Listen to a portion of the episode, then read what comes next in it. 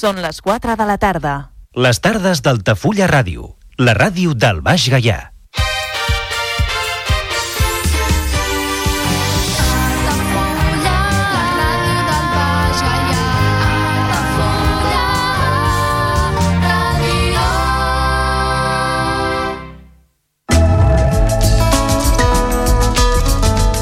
L'agenda Altafulla Ràdio. Visites guiades a la Vila Closa d'Altafulla cada primer dissabte de mes a les 11 del matí, amb sortida des de la Porta Reixada del Castell. Preu de la visita 4 euros. Més informació i reserves a l'oficina de turisme d'Altafulla i al telèfon 977 65 14 26. Visites guiades al Castell d'Altafulla cada primer dimarts i últim dissabte de mes de 10 del matí a 1 del migdia. Més informació i reserves a l'oficina de turisme d'Altafulla i al telèfon 977 65 14 26.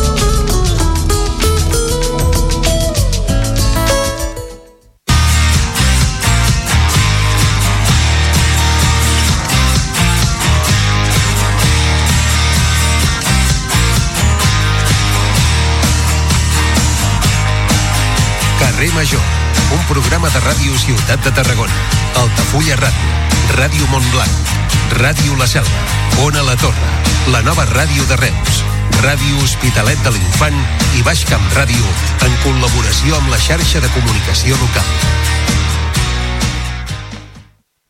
Estàs escoltant Carrer Major.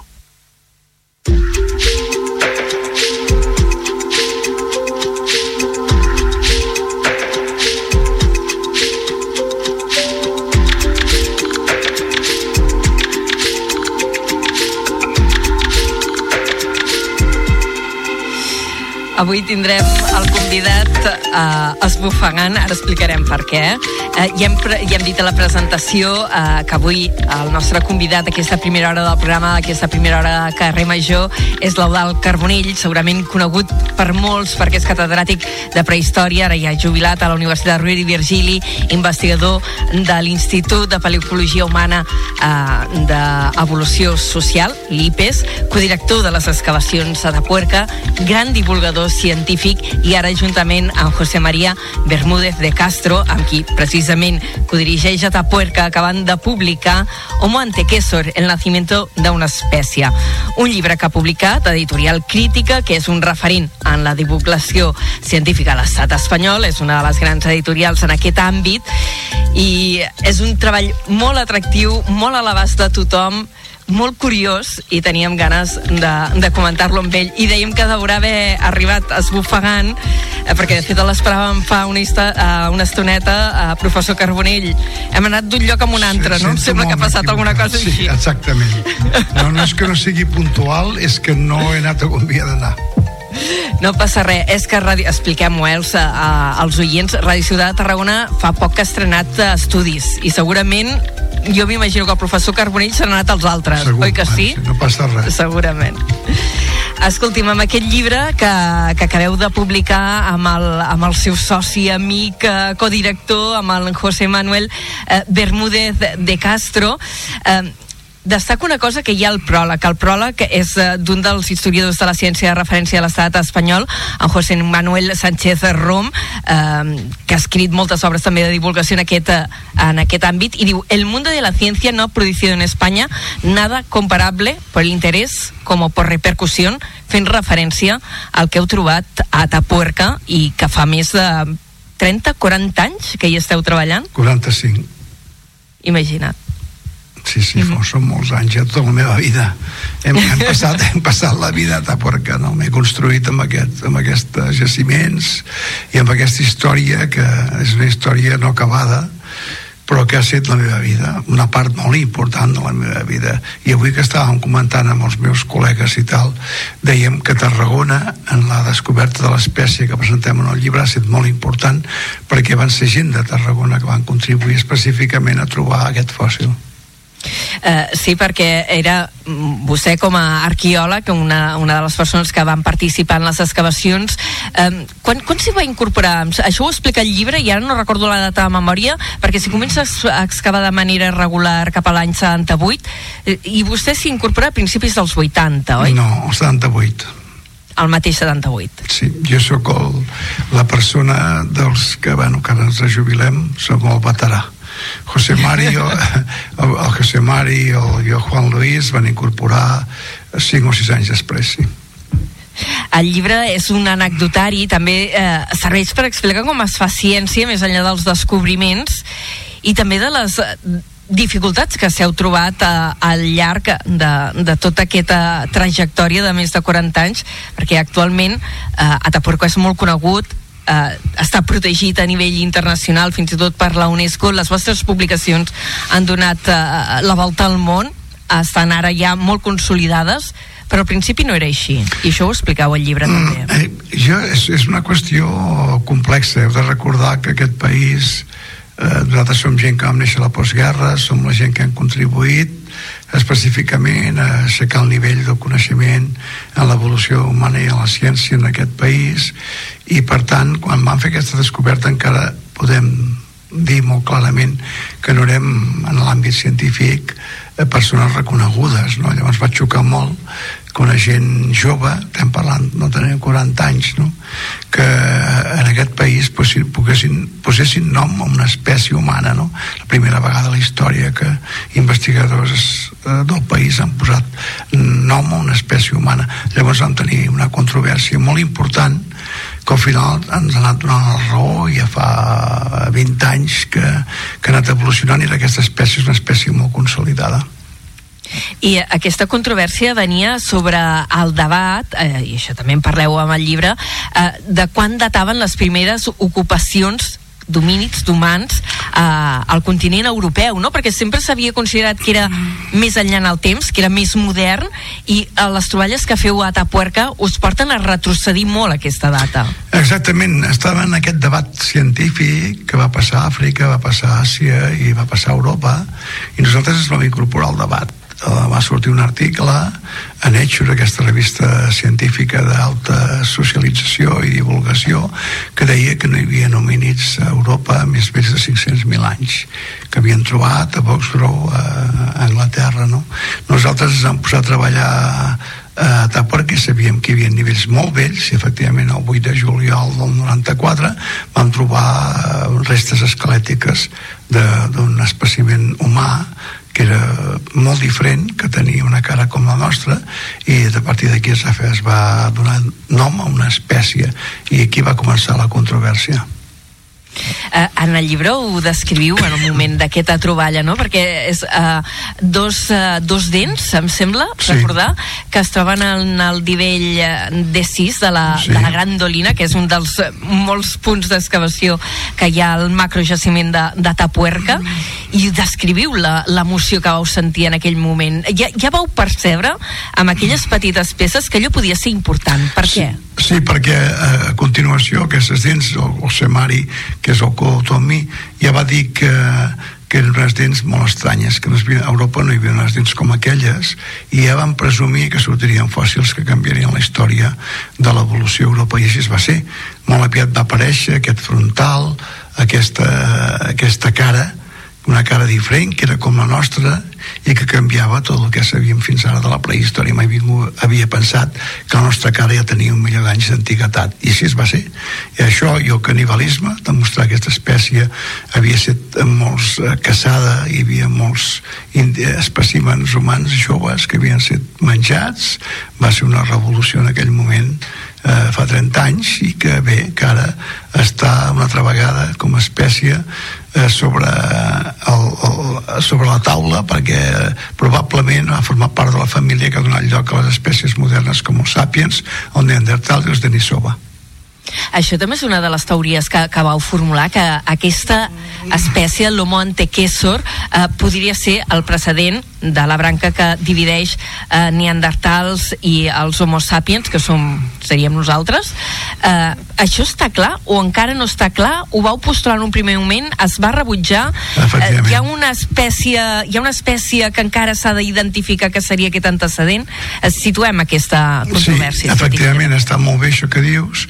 La cara aquesta està a l'espècie antequesor, però nosaltres probablement hi pot haver una espècie, diguem que nosaltres el que vam trobar és la tieta la tieta de l'espècie. Vull dir, però que és la mateixa família. La tieta és la que ens permet, dic tieta, perquè si es troba, perquè aquest fòssil no s'ha trobat, mentre no es trobi vol dir que encara que no sigui directe és de la nostra família, perquè aquesta cara és la cara que tenim ara. És a dir, passi el que passi, es trobi o no es trobi, el Monte Kessler va ser la família que ha donat lloc a, a, a Sapiens i a Neandertals i a Denisovas. Uh, de fet, mira, aquesta cara, eh? la, la cara apareix a la portada del Sí. llibre, que és una il·lustra... no passa inadvertida, eh? que No. no. si la veieu amb un aparador la...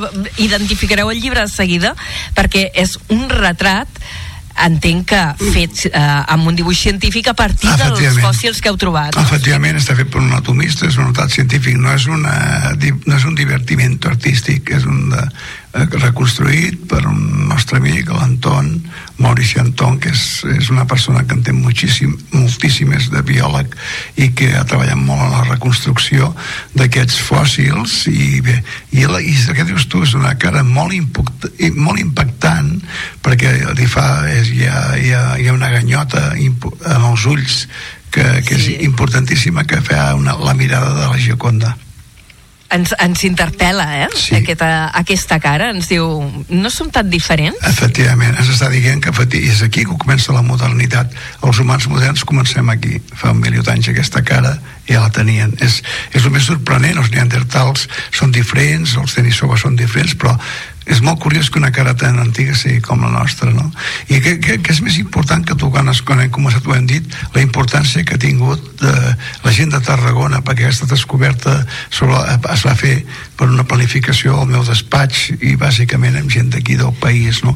I jo, i jo també interpel·lo els tarragonins pensar que aquest llibre ha estat estructurat perquè si no, si, si nosaltres no hagués fet la descoberta. Uh, ara que diu la, la importància de Tarragona en el llibre també hi apareix una descripció del seu despatx sí. a la. Universitat Rovira i Virgili Sí.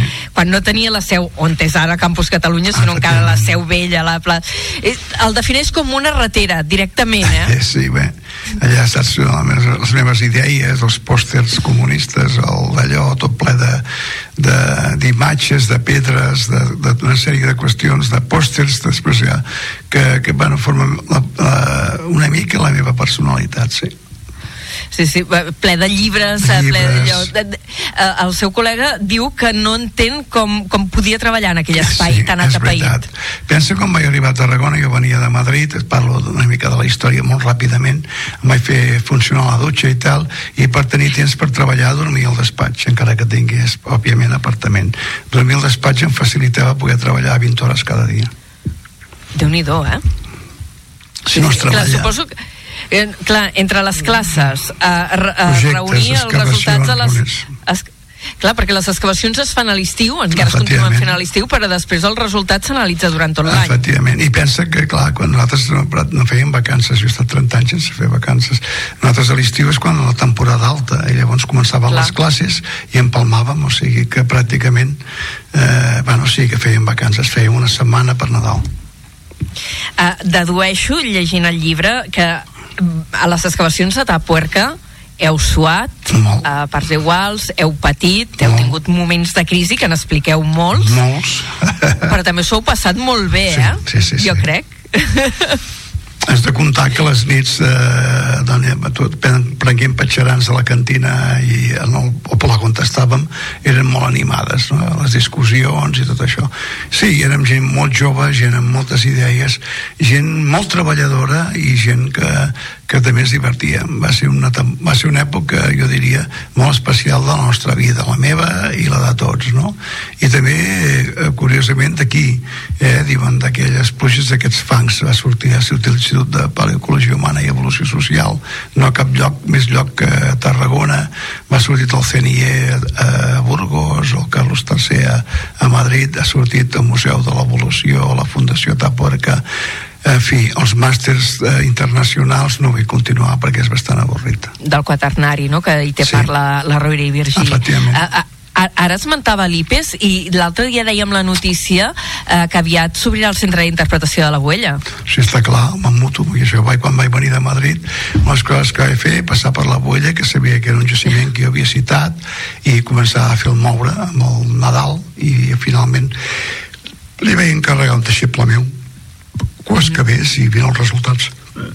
També resultats molt interessants, no? Hem estat parlant dels de Tapuerca, però la Buella també és interessant el que s'hi ha anat trobant. Molt interessant, aquest és un jaciment fantàstic, de naixement de Pleistocè inferior, de més de 800.000 anys, amb eines i aquests grans animals caçats. I és l'arribada dels estals de mà a Europa, i bueno, Tarragona està en un punt específic eh, i, i singular eh, el que és la prehistòria europea a través de la Buella si em permet a, a introduir una mica d'anecdotaris que hi ha hagut algun parell de noms que, que m'han fet molta gràcia. Un que potser és més conegut que és el de Miguelón que és un, sí. uh, el nom que li vau posar amb un dels fòssils que, que vau trobar que es veu que és un dels fòssils més ben conservats d'Euràcia de, de, de la seva època, sí. del seu període. I va ser el crani més comprat de la història del President mitjà durant molt va ser aquest, és aquest, aquest, aquest crani sí, en Miguelón, en honor a Miguelón. I li vau posar el nom en, en, en honor a Miguel Indurain. I tant, que ha vingut també a visitar-nos, sí. I, i tenim un altre un tros de braç, un húmer, em sembla un os eh, que, que li vau posar Rafa. Sí, en honor, també, en honor a, a, a, evidentment a Rafa. Els deportistes i també els músics. Ara eh, fa, fa dos anys vam trobar la cara que es publicarà que serà un gran aconteixement mundial la cara de, de Pink. Li vam posar Pink en honor a, perquè era una cara a la cara oscura de la lluna de Pink Floyd Ah, molt guai. Eh, perquè ara mm, heu acabat... Bueno, aquest estiu, evidentment, hi ha hagut eh, excavació. Ha sigut l'última que, mm. que heu dirigit amb Bermúdez de Castro o l'any que ve encara hi sereu? L'any que ve serem, però ens jubil, estem jubilats ja i l'any que ve estarem jubilats o Bermúdez o l'Arsuaga i jo, sí. Els grans impulsors. Sigui, l'última eh, l'última campanya del, del famós triumvirat. uh, un triumvirat que acaba amb bon relleu, però? Acaba fantàstic, no? Acaba tirant coets amb el descobriment més important, la cara de Pink, d'un milió mil anys, i donant pas a la gent, alguna gent que, que donem pas, alguns porten 35 anys, els altres 25, o sigui que estan a punt de jubilar-se la cara de Pink, encara més antiga que aquest homo sí. antequesor que, que havíeu descrit, no? O sigui, la cara d'homo és... erectus, és la, per mi l'esquarta més important i, i al final de la nostra trajectòria eh, perquè l'Homo erectus no es contemplava fins no. ara que hagués arribat a Europa. Mm, sí, no, bueno, no teníem dades. Uh mhm. -huh perquè aquesta és una de les dificultats no? de, de l'antropologia, de l'arqueologia mm. eh, clar, descrius allò que trobes en registres fòssils sí. però no saps si això és tot no, efectivament, tu nosaltres no ens havíem atrevit com vam trobar la mandíbula a la cima de l'elefante de Taporca aquesta mandíbula era molt un fragment les mandíbules són molt variables i més avall, 3 metres de profunditat més d'aquest on havíem trobat la mandíbula en tota una cara, una cara és, és que és un mirall de l'ànima i clar, una cara cara, veure la cara del primer europeu és molt potent. Sí? Eh, quan, quan la veurem? Perquè diu que pròximament es publicarà, té data? La veureu, sí, sí, sí ja la... abans de la Setmana Santa l'any que ve la veureu i al·lucinareu. Doncs, eh, mira, anem tirant enrere, ara dèiem, ostres, eh, tant allò tants moments de pareu màquines amb l'actualitat que ens abassega i amb aquestes uh, coses horribles que estan passant. Efectivament i no té un context històric sí, la, eh, no tenim aquest context històric tan important que si la base estructural de l'humanització no? ens movem moltes vegades per qüestions molt circumstancials per qüestions que no tenen molt poca importància històrica però com, com els humans som una espècie imbècil doncs això funciona així Uh, vostè s'ha mostrat molt crític eh, sobre l'evolució que estem tenint. Sí, jo m'he mostrat molt crític sobre, i autocrític sobre nosaltres mateixos, sí com queda consciència d'espècie. De, de fet, demà aprofitem per introduir-ho. Demà eh, estarà a Riudoms, sí. al Centre d'Estudis de per Palomar, amb una xerrada d'un dels temes que l'apassiona. De fet, es publicat algunes obres de divulgació sobre el tema, que és el futur de la humanitat. Sí, aquesta la vaig publicar fa poc i bueno, jo penso que hi ha 10 conceptes d'espècie que si no els tenim en compte doncs la nostra espècie camina cap a l'escap al timbarro. Uh -huh. uh, per què? Eh, jo, jo explico en els meus deixebles i també en els contextos de les conferències que eh, una llei molt general de l'evolució. Si tu fas les coses molt bé molt bé, molt bé, molt bé en qualsevol aspecte de la teva vida les coses solen anar molt bé o bé. Si fas les coses regular poden anar regular o malament. Si ho fas com el cul va com el cul. I això és el que fa la nostra espècie ho fem com el cul anem com el cul. Uh, també hi ha aquest, uh, aquest uh, factor uh, crucial en què ens estem trobant ara, que és la incorporació d'una nova tecnologia com la intel·ligència artificial. Uh, vostè considera que aquest element tindrà un paper uh, clau en el nostre desenvolupament com a espècie? El mateix paper que va tenir el foc, la, la, la intel·ligència artificial generativa, després de 60 anys dels paradigmes vells no, de, de la desencriptació i la, la intel·ligència artificial generativa i la creativa que arribarà després del foc probablement sigui la descoberta més important dels humans i això ens portarà cap a la deshumanització i la transhumanització per continuar evolucionant. És a dir, que tindrem una nova espècie, potser d'aquí no tants anys? Poder més d'una. És el que vostè... Jo el que dic és que poder tindrem més d'una. Tindrem probablement una espècie que és l'homo restrictus, com els que són com nosaltres, que no estan modificats, els modificats genèticament, o els editats i els, megatro, els, els megatrònics fets d'estructures de, materials abiòtiques. I això amb vostè l'encurioseix o No. l'espanta? No, al contrari, estic molt content. La diversitat és el que Ah, sí? ens salvarà. Sí, perquè com a home restrictus tenim poc futur. No, exactament, que bueno, fa- fa- farem altres espècies, però poder, el futur no sé, potser no serem majoritaris d'aquí molts anys. Jo, ja saps que sempre hi he escrit i la gent que m'ha llegit ho sap, que a mi la, la imatge que m'agradaria de futur és el, eh, el bar de la Guerra de les Galàxies. Miri, ara que hi anirem, perquè era una de... m'ho reservava pel final, Ja sabia. perquè li anava a preguntar, li anava a preguntar o, o demanar que expliqués què és l'halcón milenario. Ah, l'halcón Que vaig riure molt, eh, quan ho vaig llegir. La, el cop mil·lenari és el meu Land Rover que va estar a punt de cremar-se sort que era gasoil si no ja estaria cremat ja moria sublimat, no existiria com a persona perquè vam tenir, es va trencar un, un, una peça del motor i un dels conductes de gasoil doncs si hagués de gasolina ja estaria cremat a dins, el, a dins del cotxe. És un cotxe que va servir de molt perquè no hi havia mitjans era un cotxe meu un, un, un Land Rover d'aquests Cazorla i carregat de taulons i sempre carregat de gent i que ens va ajudar molt a construir el que va ser perquè quan no hi havia diners Els primers anys. I deia que li agrada imaginar-se el món com, com el bar de la Guerra de les Sí. Galàxies. Fem aquesta definició. la diversitat per mi sempre ha estat molt important tota aquesta gent que fa de la diversitat i del racisme i d'aquestes qüestions són, són, formen part d'aquesta ignorància de les persones que mai tindran un criteri humà Però si sent una única espècie ja, ja ens matem, literalment... no li fa por això de que puguem ser diverses espècies coexistint? Eh, si són moltes espècies si ens matem alguna quedarà Algunes. Hem conversat amb l'Eudal Carbonell, arqueòleg, eh, codirector eh, de les excavacions de Tapuerca, Premi Príncep d'Astúries, molt conegut aquí a Tarragona per seus anys de docència a la Universitat de, de Tarragona, la Universitat Rovira i Virgili, i que ara, juntament amb el seu soci, amic, company de treball, en José María Bermúdez de Castro, acaben de, de presentar aquest eh, gran treball, Homo Antequesor, molt divertit, molt divulgatiu, mm, molt assequible, eh, que no sé si teniu data de presentació a, a Tarragona o encara no. De moment estem, em vaig presentar a Barcelona abans d'ahir, ho presentarem a Madrid i Burgos i llavors aquí amb aquests viatges que faig amb una ocasió jo penso quan de fer perquè aquest antecessor que estàs explicant és molt tarragoní perquè l'equip que vaig enviar jo per fer el sondeig, perquè jo feia les classes i vaig arribar, que va arribar quan vaig anar cap a l'excavació el 8 de juliol del, la, del 94 va ser, per tant és un fòssil bastant tarragoní. Els tarragonins haurien d'estar molt orgullosos perquè aquesta espècie ha sortit de les hipòtesis i del treball de molts tarragonins. Tarragonins vol dir que han nascut aquí i han viscut a Tarragona. Doncs reivindicant aquesta tarragonitat també del Homo Antecessor, acomiadem l'Eudal Carbonell i agraïm moltíssim que avui hagi fet confiança a carrer Major i encara que hagi sigut una mica atropellat Ho això, ens hi hem molt. perdut pel camí, hem arribat, ho hem Sí. pogut fer i hem pogut conversar una bona estona. Moltíssimes gràcies, felicitats pel llibre, que és un plaer llegir-lo. a vosaltres que aquesta magnífica i documentada que una sessió que hem tingut es nota que, que com a mínim esteu molt, molt, molt, molt, molt documentats He disfrutat molt llegint. això és ara, molt important que ho professor. diguis vinga una abraçada molt gran Una abraçada gran.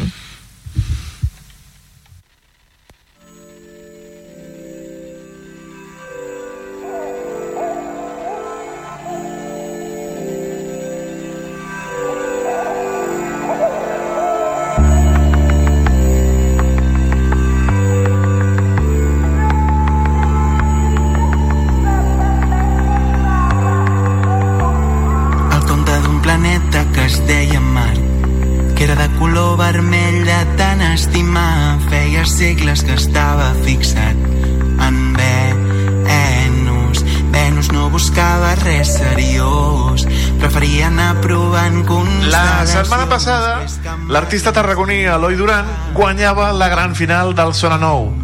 Alegria pel Camp de Tarragona i segon any que el Premi Musical de la revista de Rock es queda a casa.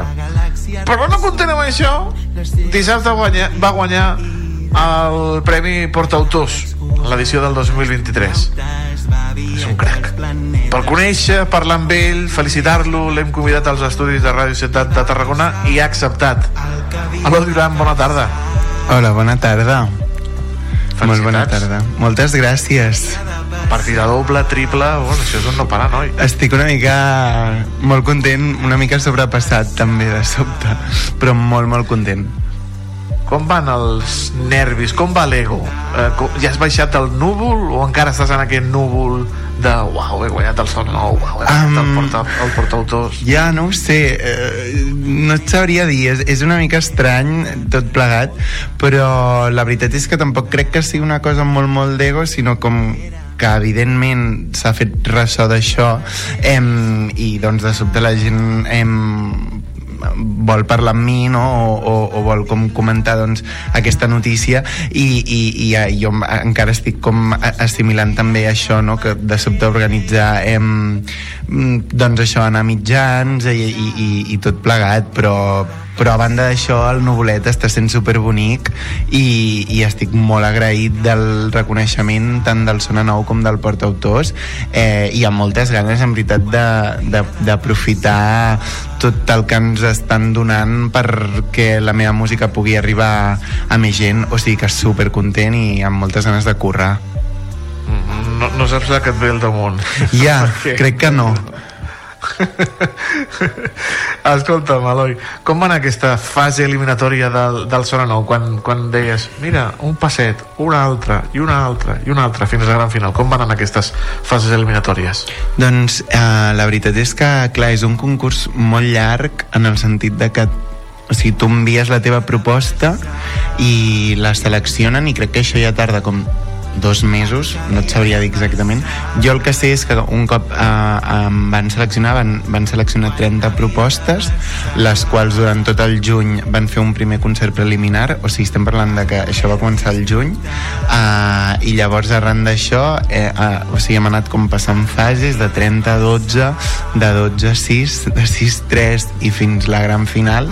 Clar, han sigut molts mesos.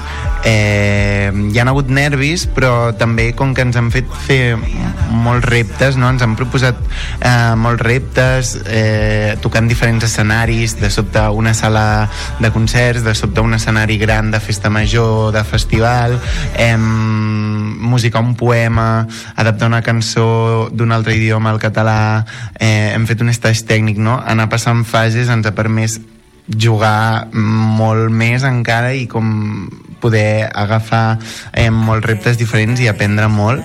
Llavors com sobretot em quedo amb això més que amb els nervis i tot que també n'hi ha hagut eh, i hi ha hagut com uau de sobte estem passant a la següent a la següent a la següent com podem arribar a guanyar això és gros, això és fort.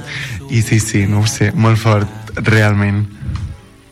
Bona tarda, Eloi. Bé, durant tot aquest procés que has anat comentant, hi ha hagut també un, un, un procés de canvi, o almenys d'aprenentatge o, o de seguretat de reivindicació en la teva faceta com a artista, o, o, o al contrari? Sí, hi ha hagut molt aprenentatge i més enllà com musicalment, evidentment, hi ha hagut aprenentatge eh, sobretot com a l'haver d'experimentar en, en musicar un poema això, no? adaptar una cançó però realment com l'aprenentatge ha sigut molt com, com a figura d'artista en el sentit de, o, evidentment hem hagut de preparar els concerts, però de sobte també ens, se'ns han fet entrevistes, hem, hem hagut de defensar una mica com, sí, la nostra figura eh, com a artista, no? I, I això ha estat molt guai perquè de sobte m'ha fet plantejar com quin és el discurs que jo vull tenir o com l'estètica que vull com mostrar més enllà de, dels concerts, no sé, com m'ha fet plantejar moltes coses realment que,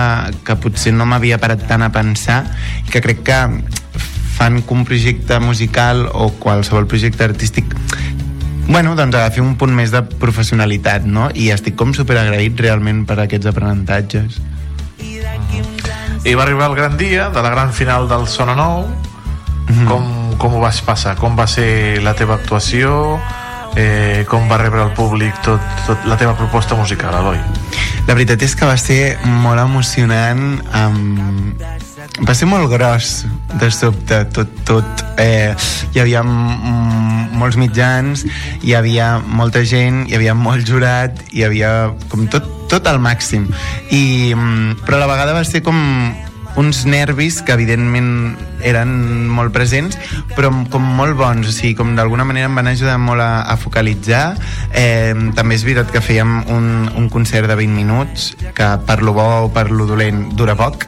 Eh, i en aquest sentit també se'm va passar super ràpid o sigui, jo sempre dic que um, solc tenir la, la sensació de que quan pujo a l'escenari no és un somni en el sentit de que quan acabo no me'n recordo del que ha passat ni del que he fet també eh, havíem assajat molt com per poder permetre'ns això i aquesta sensació hi va ser la qual considero que és molt bona em, i m'ho vaig passar molt bé m'ho vaig passar molt bé sí que és veritat que potser no és el concert que més tranquil estava evidentment Per això. però, però no, no considero que els nervis em fessin, em fessin passar una mala jugada, sinó tot el contrari, com que em van anar bé per saber on estava, per saber com que havíem d'anar a temps, que havíem de... Bueno, no sé, com em van donar focus, i, però a la vegada em vaig poder permetre com gaudir i sembla que va anar bé. Ah, No, no, i tant, i tant, no vas guanyar. Però jo vull dir, a l'hora de... mm, Quan di disfrutes en un escenari, amb un, amb un concert, que la gent va passar-s'ho bé, aquí disfrutes un munt, però clar, quan t'estan mirant, t'estan analitzant, t'estan mirant cada gest, estan amb la llibreta dient, ah, puntuant allò, ah, i eh, potser no, no es disfruta tant, no? A mi em passa com a monologuista, quan vaig a un concurs no disfruto gens, en canvi quan vaig a fer actuacions, pues, ah, la casa per la Ja. finestra. He de dir que, o sigui, com d'alguna manera vaig voler prendre com molta distància i no...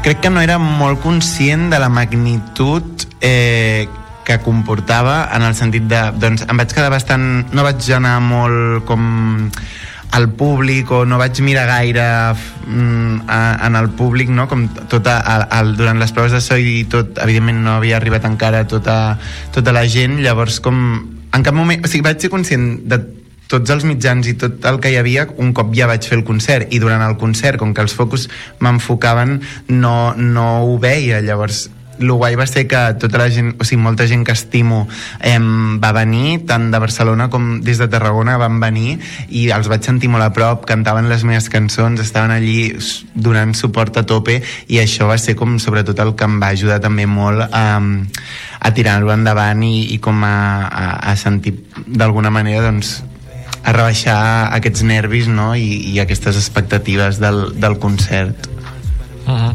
Te defineixen com proposta íntima, música independent amb tocs electrònics. M'ha agradat molt lo de indie pop que cura el cor, he llegit per algun Sí. lloc. Com definiries tu la teva música? Sigui, a, a, la, la, la definició que li he ficat jo és la de indie pop que cura el cor, o sigui, això, Ah, o sigui, bé, això és, és, és definició meva, um, Ahà. en el sentit de que m'he inventat aquest estil uh, que això, que és indie pop que cura el cor i que bàsicament el que pretén és que la gent que escolti la meva música o la gent que vingui als meus concerts doncs d'alguna manera em, marxi amb el cor una mica més sanat i millor de com ha arribat. I això és molt guai perquè crec que a nivell de proposta ens dona un, un, un concepte i com una idea en la que treballar molt concreta però a la vegada ens permet jugar amb molts estils musicals diferents en el sentit que curar el cor el pots curar des de la tristesa però també el pots curar des de ballar no? o de... llavors com crec que és molt ampli a la vegada i ens permet doncs això, explorar amb l'electrònica explorar molts estils i no ens tanca res llavors ara de moment eh, sobretot ja com tinc dos EPs publicats un primer EP que es titula Sonder i un segon EP que es titula El que veig quan miro que exploren com aquest indie pop que cura el cor potser des d'un lloc més intimista no? I, i més tranqui com, bueno, i, i també més naïf tot gira entorn també a, a un nen que està descobrint el món però clar, ara vindrà també nova música i, i crec que tenim ganes d'explorar altres sonoritats, llavors veurem cap on va però bueno, una mica el resum és aquest, l'indie pop que cura el cor Exacte, i llavors uh, Eloi, cap on va aquesta música? M'ho has deixat perfecte cap on creus que pot o ha d'evolucionar? Has de també una mica allunyar-te d'aquest indie pop o tot i així creus que també pots trobar altres camins, altres maneres de curar els cors també? Jo crec que de l'indie pop que cura el cor um, no me n'allunyaré mai, crec, perquè al final crec que forma part de com jo entenc la música i com entenc el meu projecte.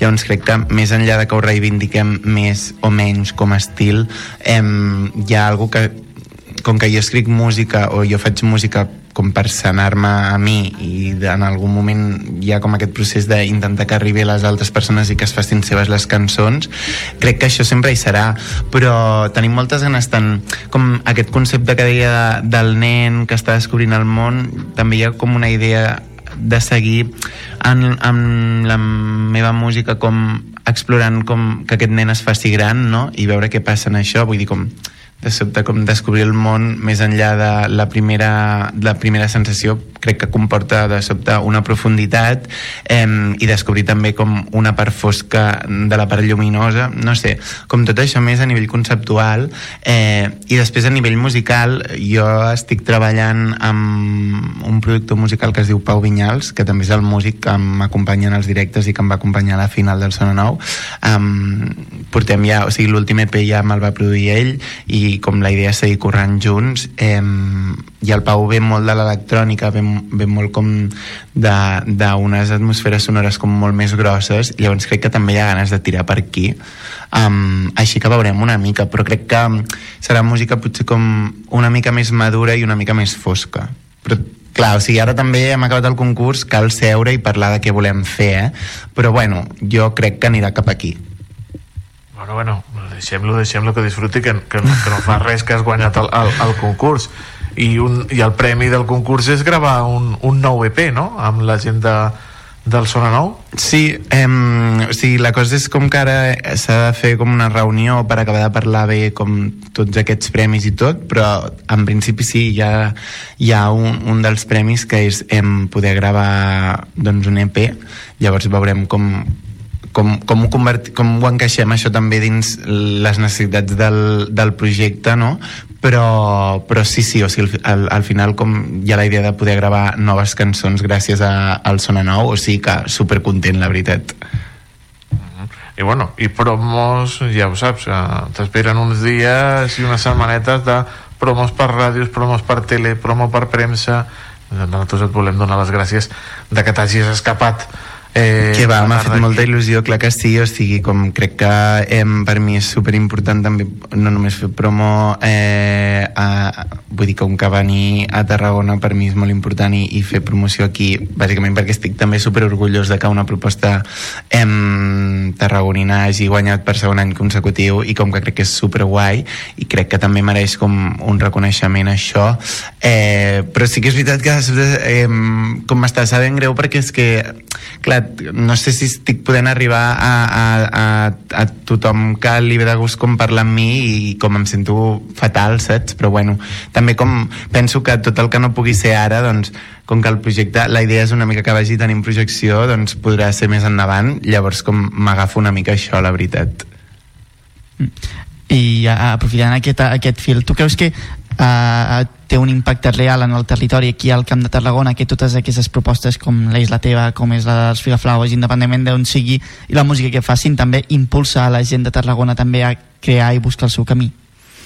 Jo crec que sí crec que, o sigui crec que és, si més no, inspirador eh, veure gent que d'alguna manera mm, per territori ni que sigui et queda més a prop eh, doncs veure gent que, que està tirant endavant els seus projectes artístics que té la necessitat de dir alguna cosa sigui com quina sigui i sigui a través del canal que sigui perquè clarament Figaflaues eh, i jo no, no fem com el mateix estil de música però el, els dos tenim coses a dir i els diem de la nostra manera i crec que això és, és super eh, important i crec que a vegades com quan, quan no vull dir que crec que Barcelona i entorn és molt estimulador perquè hi ha molts inputs, hi ha molta música, hi ha molt de teatre, hi ha com molt, molt, molt massa de tot i a vegades com al sortir d'aquí hi ha potser menys, no? No sé si m'explico. Em, però, sí, sí, sí. Però crec que mm, gent amb necessitat de dir coses i amb talent i, i, i amb ganes d'explicar coses artísticament n'hi ha moltíssima. I a tot arreu i a Tarragona i província també. Llavors com és guai perquè crec que és això és com molt inspirador i, i, i molt, molt orgull. Llavors com sí, crec que crec que mm, sentirem a parlar de més propostes segur, no sé si el sona nou eh? però vull dir com que jo conec gent del meu entorn també aquí a Tarragona que està engegant coses i com crec que és molt guai i crec que cal com reconeixement i com visibilitat I amics i amigues, aquest senyor dissabte va guanyar el portautors. Un altre a la saca, com deia aquell. és fort, és fort faig la broma de que hauria de comprar loteria Bueno, a veure, eh, bueno. digues per on la compres, si la compres a Tarragona, Vale. si vas a Reus, si la compres a el Morell, en qualsevol lloc, ens avises i també ens dius el número, no sigui cas. us aviso, vale, perfecte no, molt content, molt content la veritat Com va anar el, el concert del, del... Bueno, guanyar el, el, el portautors? Doncs va ser molt bonic perquè em, sempre és molt guai poder tocar a casa i a mi em venia molt de gust eh, o sigui, com el teatret és una, un teatre molt bonic i com tocar allà sempre és com molt guai o anar allà a escoltar un concert i em feia molta il·lusió, a més com l'organització de portautors són gent supermaca que s'ho curra moltíssim i crec que és un projecte que em, va començar, si no m'equivoco, com fa 5-6 anys i va començar com algo més petitó i ha anat creixent i és un concurs que cada vegada està agafant més renom i més ressò, que és important també això evidentment i mm, va ser molt xulo. Eh, els artistes que hi havien eren tots maquíssims van passar una tarda molt guai i a més com vaig tenir com el, la gran sort de guanyar el premi del jurat i a més el premi del públic um, i va ser com intens en el sentit de, ostres, venia ja de, del dimecres del Sona Nou i com em va bromar una mica com de dir, ai, seria ara com l'artista repel·lent que guanya els concursos. És broma, eh? Vull dir que crec que hi ha una altra part de mi que pensa joder, tu has currat moltíssim, has treballat molt eh, evidentment les altres propostes s'ho mereixen igual que tu però tu també t'ho mereixes, llavors com, bueno, ha donat la casualitat que ha sigut la mateixa setmana. Més enllà d'això eh, ole tu però bueno, sí que hi ha una part una mica com de uf, semblo l'empollon dels concursos, saps, de sobte No, no, no, no. no. però, però bueno Sí, sí. m'ho prenc a broma una mica també i, Sí. i No, m'ho no, prenc a broma perquè és bé, que si fa- no, no sé què fer Sí, sí. Fas, fas molt bé, fas molt bé, Eloi. Et vigilarem de ben a prop d'aquí al, al carrer Major, estarem ben atents a totes les teves propostes, a tots els teus concerts. Moltes i gràcies. ho recomanarem, ho recomanarem a la nostra agenda. Eh, Eloi Duran, moltíssimes gràcies per venir al carrer Major i parlar una estoneta amb nosaltres. I de nou, felicitats dobles, triples, moltes felicitats. moltes gràcies, gràcies per convidar-me Fins la propera. Tu, adeu. adeu, adeu Estàs escoltant Carrer Major. Who let the dogs out?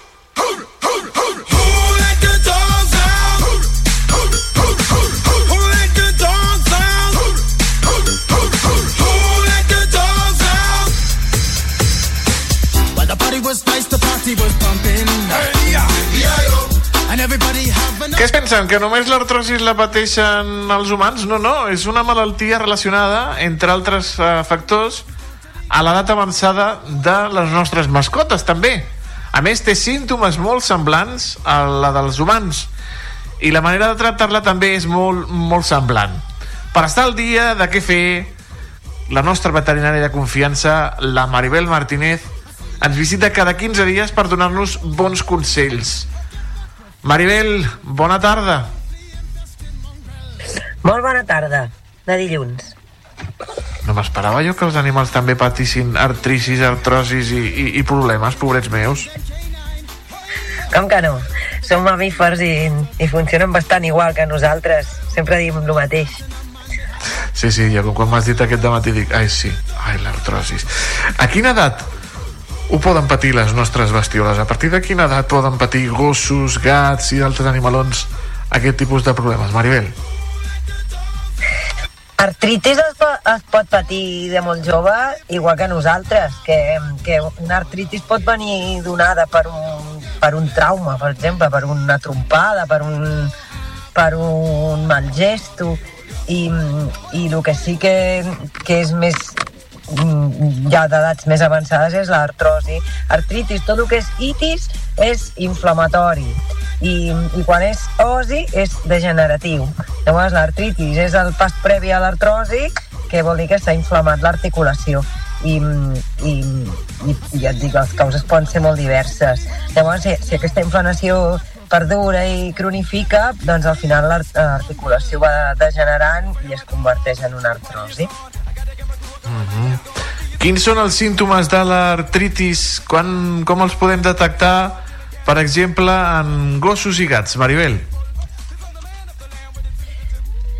Amb gossos és molt més fàcil, perquè, perquè normalment bueno, la, les artritis que venen donades a- amb, amb alguna de les quatre extremitats doncs es, es tradueix en una coixesa i, i amb gossos és marcat. Normalment quan els propietaris et venen a la clínica amb, i et diuen el meu gos va coix. I hi ha algunes vegades que només veuen que, que recolzen estrany, però no saben massa mm, quina, qui- quina de, de les extremitats és, només veuen doncs, caminar amb, amb estrany.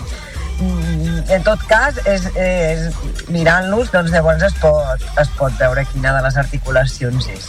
Um, gats, amb, en gats és molt més complicat detectar-ho, això, perquè, perquè bueno, és un, fin, des de fet, fins fa pocs anys es, es considerava que els gats no en patien, i és perquè amaguen molt els símptomes, els gats.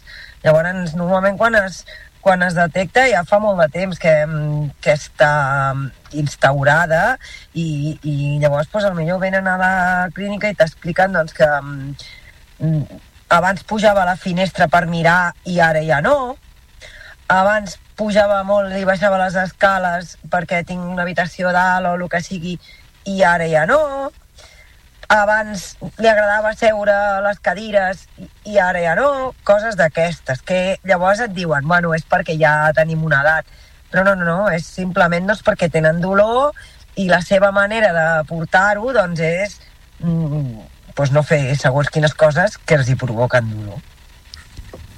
Bona tarda, Maribel. I bé, quines són les causes? És, òbviament, haver utilitzat aquestes articulacions moltes vegades o pot ser que també ho puguin patir malgrat doncs, no haver forçat tant la maquinària? Bueno, la, les causes són moltíssimes que totes sumades fan que, que l'articulació es pugui inflamar eh, igual que nosaltres, però el que sí que hi ha són maneres de funcionar i, i, i, i coses a fer doncs, per poder-ho previndre igual que nosaltres. Doncs hi ha tot un seguit de... Doncs, bueno, primer de tot, amb l'alimentació és, és molt important aportar les coses que fan falta per, per poder doncs, um, evitar que això s'instauri. I, I llavors um, sí que és veritat que amb els anys pot anar degenerant, però que mm, sempre fent exercici, intentant mantenir un bon to muscular, mantenint el pes eh, controlat i, i de tant en algun contraprotector, doncs no va malament. Llavors tot això fa que es retraci la, la, la instauració d'aquest problema i, i potser no arribes mai a la degeneració articular. Tot, tot arriba només fins a una inflamació que podem anar aturant doncs, tal qual arriba. Si els eh, convidem a sortir més a l'animal, si li donem algunes cap, no sé si són càpsules o si són líquids o si són eh, cosetes aquella, ma mare pren la Ana Maria la Justícia aquelles pastilles però no, no sé si és pels animals també n'hi han de l'Anna Maria la Justícia d'una altra marca però ho podem, els podem ajudar així a gossos i gats? Sí, mm, mm, bueno, una cosa és la, la, que prenguin suplements, doncs, a part de l'alimentació que tenen, i, i l'altra cosa és eh, aportar ja directament amb l'alimentació doncs, doncs Mhm. algunes coses que, que fan falta. Que sé, a, als gats, per exemple, um, que els tenim acostumats molts a menjar només pinso, doncs igual ens podríem plantejar d'afegir unes quantes coses de dieta natural que els anirien bé. En gossos, sí, que el de fer exercici és, és important, doncs, que, que igual que nosaltres el sedentarisme no és gens bo i, i el que ens hauria d'ocupar és tonificar la nostra musculatura per mantenir les nostres articulacions en bona forma i el que sí o sí en totes les espècies és el control del pes que, mm, que clar, un sobrepès sobrecarrega les articulacions i aquestes han d'arrossegar mm, i suportar molt més que si estem en el pes adequat. I sí, i el, el, la indústria de suplements de, de mascotes ara comença a ser un, una cosa important i, i si tal qual Anna Maria la Justícia famosa en persones doncs amb, amb bestioles hi ha un fotimer de laboratoris que fan més o menys naturals els suplements i, i, que, i que els vostres veterinaris us, us els poden recomanar sí. i tant Però aquests productes, Maribel, són assequibles, són assumibles per part de, de la gent o, o, o realment sí, no? No tenen massa complicació econòmica en aquest cas?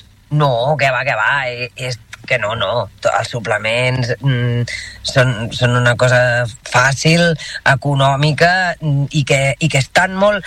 Mira, durant els períodes de, de creixement, sobretot en, en, en gossos de races grosses, um, està molt indicat.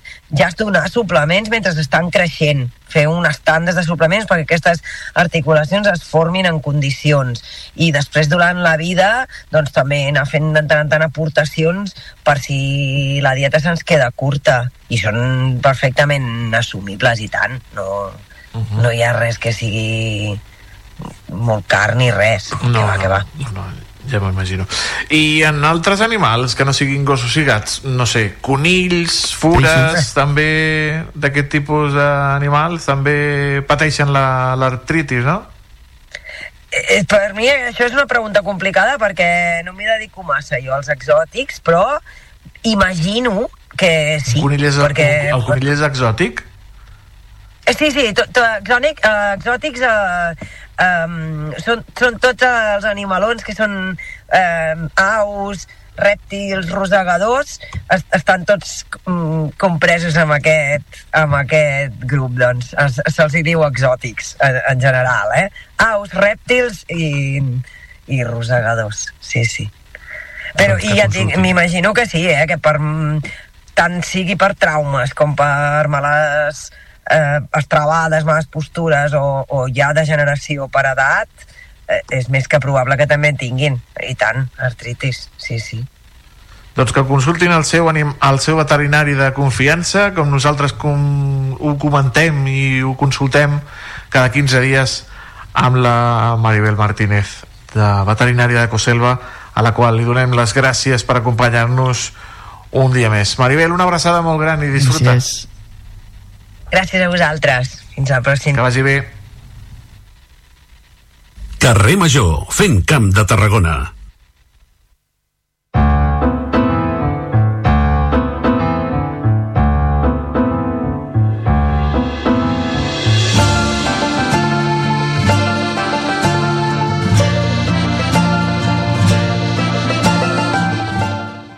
Seguim recorrent el territori i avui ens centrarem en les paraules genuïnes de la Conca de Barberà i la Baixa Sagarra.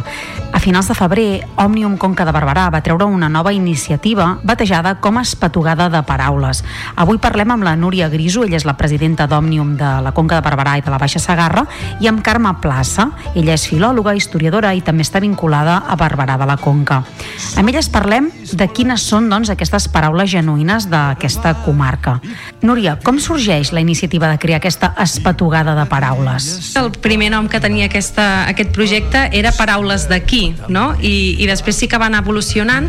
Era una proposta que ja va néixer en, en plena elaboració del pla de treball, perquè treballem anualment amb plans de treball, pressupostos i tal, i, i la idea era poder crear algun tipus de marxandatge que fos eh, que recollís les paraules genuïnes de la, de la comarca i d'aquesta manera també ajudar doncs, a la seva difusió, preservació, etc. Uh, no sabíem ben bé com, com ho organitzaríem, però sí que el que teníem clar és l'objectiu final era la creació d'aquest marxandatge i per altra banda que fos un procés participatiu.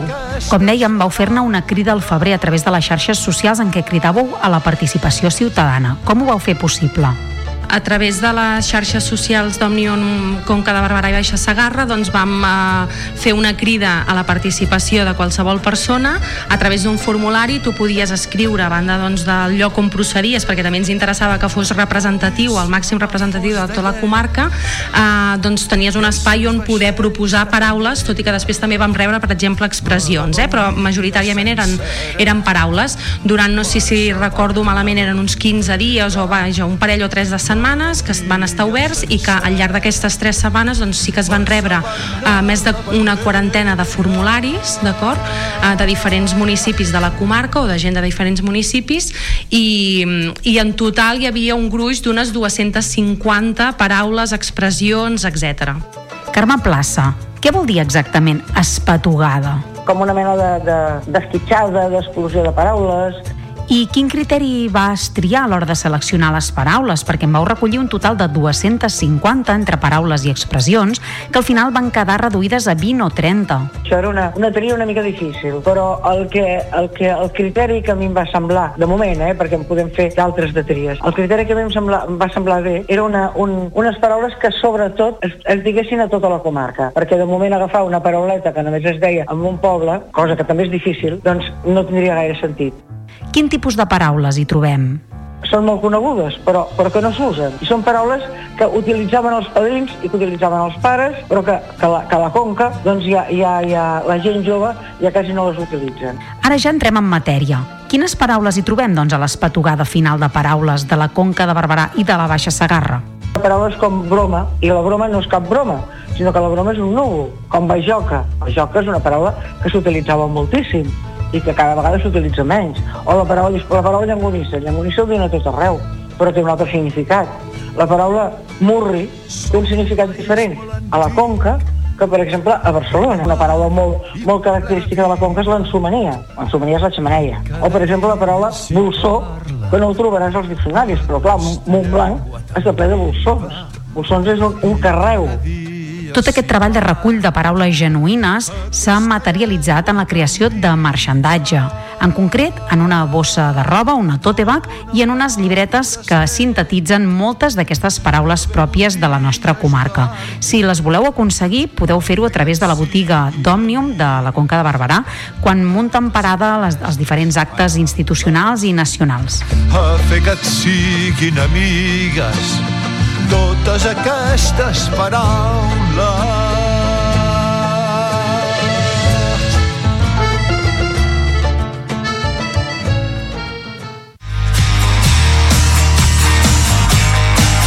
Carrer Major, un programa de ràdio Ciutat de Tarragona, Altafulla Ràdio, Ràdio Montblanc, Ràdio La Selva, Ona La Torre, la nova ràdio de Reus, Ràdio Hospitalet de l'Infant i Baix Camp Ràdio, en col·laboració amb la xarxa de comunicació local.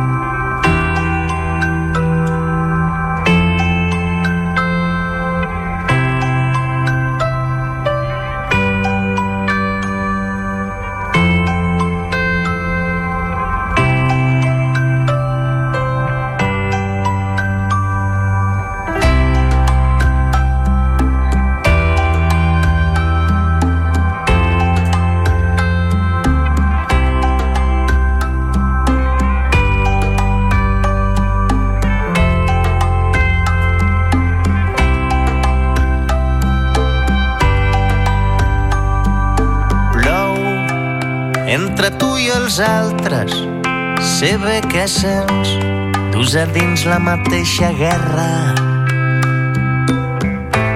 Tothom busca un trosset de terra i casa nostra és un tros de temps, sé bé què sents.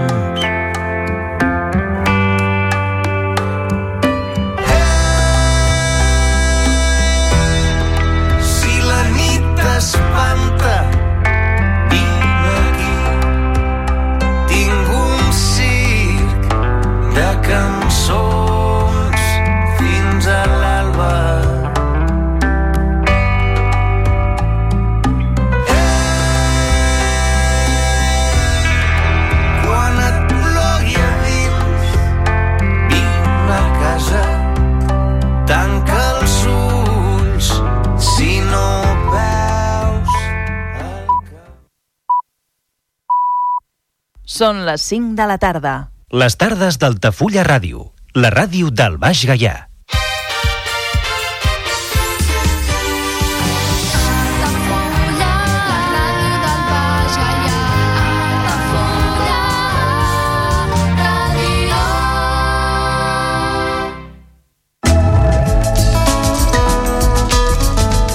L'agenda Altafulla Ràdio.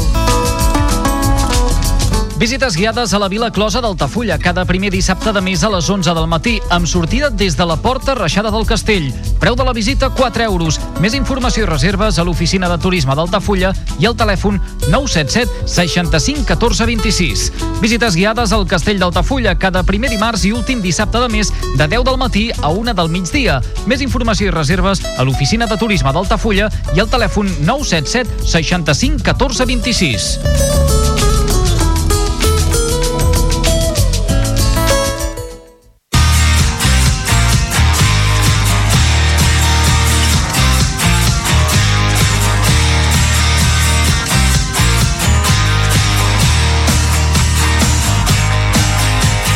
Major, un programa de ràdio Ciutat de Tarragona, Altafulla Ràdio, Ràdio Montblanc, Ràdio La Selva, Ona La Torre, la nova ràdio de Reus, Ràdio Hospitalet de l'Infant i Baix Camp Ràdio en col·laboració amb la xarxa de comunicació local.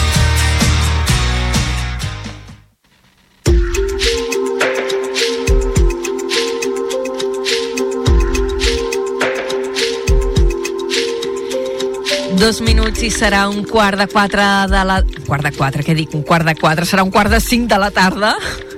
I ara és el moment d'endinsar-nos en l'entrevista que fem cada dia a la primera hora, l'entrevista més informativa del programa. Ara ho comentàvem amb el Toni, avui tenim al programa un històric de la política reusenca, però que fa temps que està retirat de la política reusenca i es dedica a fer pressió i a la promoció del transport públic. Ell és en Daniel Pi, eh, portaveu de la plataforma en defensa del transport públic, la PTP, ho dic bé, Daniel? PTP són les sigles? PTP. PTP.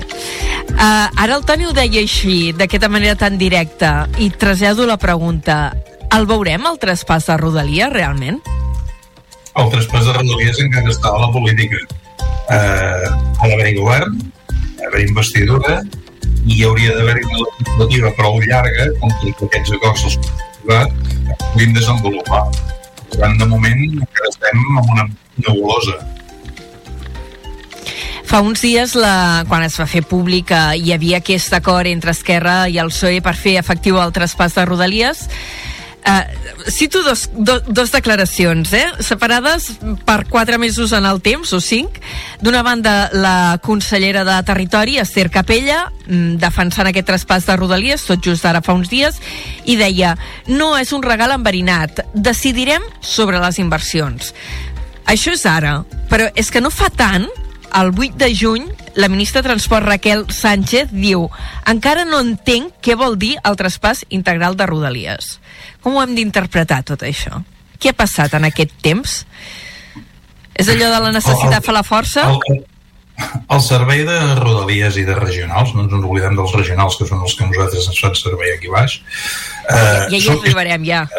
Perquè fem, estem fent servir vies que també serveixen per transportar mercaderies i també passen trens que no tenen destinació estrictament dins de Catalunya i per tant, a més estem parlant d'un servei molt complex 2.000 persones 200 trens, vull dir, això no, no s'improvisa i no es fa un canvi d'avui per demà.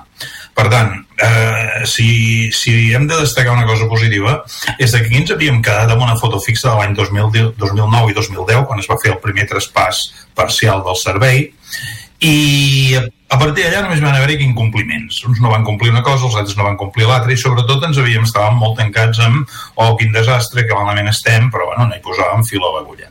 A partir d'aquí, el fet que ens moguem i anem cap a, sembla que anem a un sistema diferent, pot ser bo. A l'acord, pel que coneixem, pels cinc folis que sobre la matèria ferroviària s'han fet públics, té aspectes positius, sense cap mena de dubte, i té aspectes que francament ens preocupen i que per tant doncs, és bo que es vagin aclarint en el futur. Quin seria? Vinga, anem a, a detallar una miqueta aquests aspectes positius que hi veieu des de la plataforma per la promoció del transport públic, quins serien? Uh, a, a part del que ja he dit, el tema de que movem fitxa i sortim d'una cosa que era molt pesadet, eh? és que no tenim competències i era, era bastant pesadet, no? sempre el mateix. Bé, ara no, ara per lo que fa a la referència a qui operarà uh, els trens, l'operador eh, és el que fa córrer els trens, ara l'operador és Renfe. Bé, en el futur aquí s'acorda de que es crea una societat amb participació de les dues administracions i amb una majoria de la Generalitat, que no obstant no podrà imposar absolutament qualsevol cosa, però que en tot cas no només tindrà veu i vot, sinó que tindrà una, anomenarà el president i tindrà una petita majoria dins d'aquesta societat.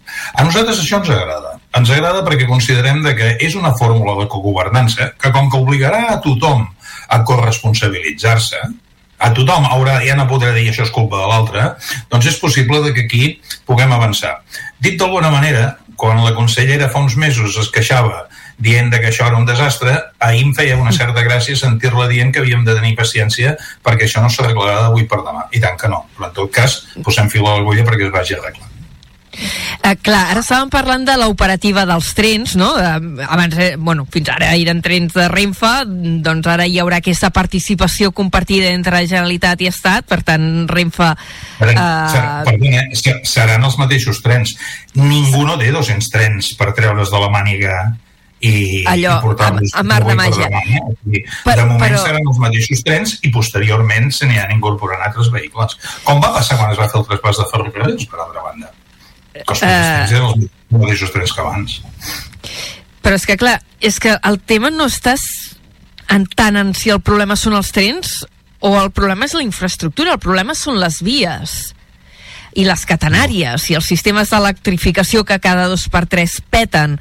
Això també està contemplat dintre d'aquest acord de traspàs? Aquí, aquí és una mica on a nosaltres ens comencen a preocupar coses. La primera cosa que nosaltres volíem llegir, no ho hem pogut llegir, és de que es garantia el manteniment de les inversions. Eh, és absolutament cert de que portem molts anys de retard amb les inversions, dècades, eh? però també és cert, i això és important, de que en aquest moment portem un ritme inversor en els últims 4 anys molt bo. I la previsió és de que això continuï, era de que això continués. Llavors, a partir d'aquí, això, això d'entrada, quan es fan aquest tipus d'inversions, curiosament el que rep és, és l'usuari.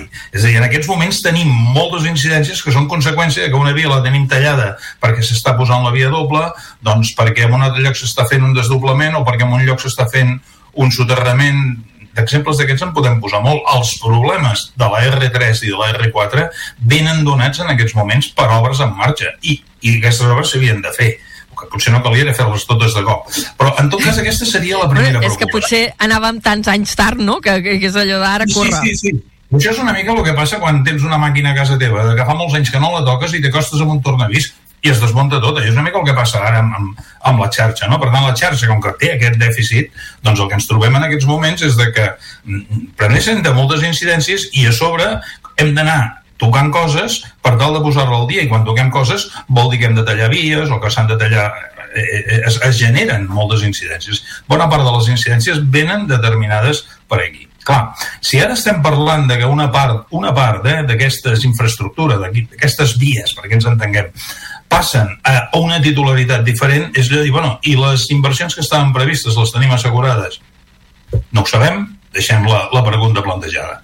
I la segona preocupació en matèria aquesta d'infraestructures és de que dos titulars d'infraestructures sobre una xarxa a la qual tot sovint els trens passen d'una via a l'altra, si no es fa molt ben fet, pot ser molt i molt i molt complicat. Diguem un exemple. Un tren que surt de Ribarroja o que surt de Tortosa i que puja cap al nord anirà fins a Sant Vicenç de Calders per la via titularitat d'Adif. I de Sant Vicenç de Calders en amunt, si és que es compleixen les previsions d'aquests cinc folis, anirà per una via que serà titularitat de la Generalitat de Catalunya, del seu, del seu Adif, i Fercat, el que Sí, sigui. i, i Fercat, sí, sí, ho he vist. En principi, en principi sembla que això no hauria de tenir massa importància. Però clar, els trens no van de qualsevol, van amb uns solcs, amb unes atribucions horàries, que els hi dona precisament el titular de la infraestructura. Per dir-ho d'alguna manera, no serà així, és informàtic, però quan el tren arribi a Sant Vicenç de Calders, com que surt de la infraestructura de DIF, haurà de demanar permís informàticament perquè el deixin passar perquè el titular és un altre.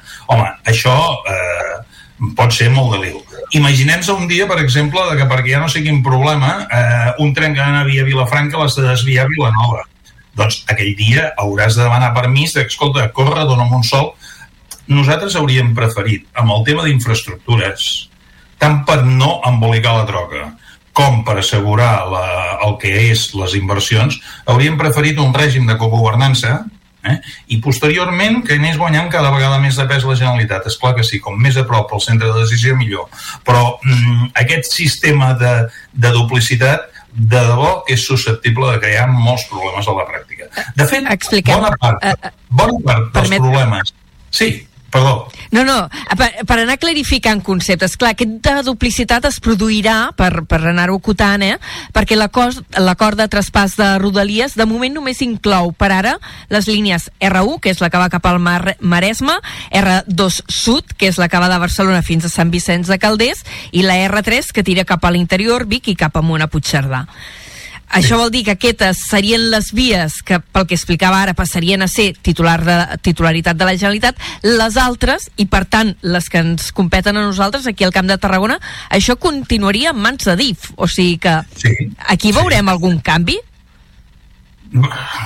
Sobre la titularitat en, princi en principi no el que passa és de que el que se suposa pel que hem anat aclarint aquests dies és que hi haurà un intercanvi d'informació entre els dos operadors i una coordinació. Mm, perquè ens situem. Ara a Catalunya tenim un centre de control de trànsit, un lloc en el qual es centralitzen les decisions. Mm, Vull creure que n'hi haurà un, no m'horroritzaria que n'hi haguessin dos i que s'haguessin de posar d'acord, i com això podríem anar dient moltes coses. Home, coses amb les que sí que podem millorar segurament, amb el tema de la informació es pot millorar molt ràpidament, perquè aquí arrosseguem un dèficit i això és més ràpid d'arreglar eh, i, bueno, i anar intentant eh, analitzar bé les causes de la manca de fiabilitat i per tant anar-hi posant remei la manca de fiabilitat a vegades és per, per Renfe, és per l'operador eh? però a vegades és Adif a vegades és la ciutadania cada vegada que algú es tira una palanca d'alarma eh, enmig dels túnels de Barcelona munta un grigall increïble perquè els trens van cada 3 minuts i allà vol dir que durant 15 minuts no en passa cap tren. Eh, hi ha temes de vandalisme, seguretat fins ara doncs, ha costat molt que la policia, els Mossos intervinguessin en matèria ferroviària. De fet jo diria que mai no he vist un mosso en el tren. Eh, per tant, aquí el que caldrà també és d'alguna forma anar millorant aquest tipus de qüestions per anar reduint el que són les incidències que és el que estem patint en aquests moments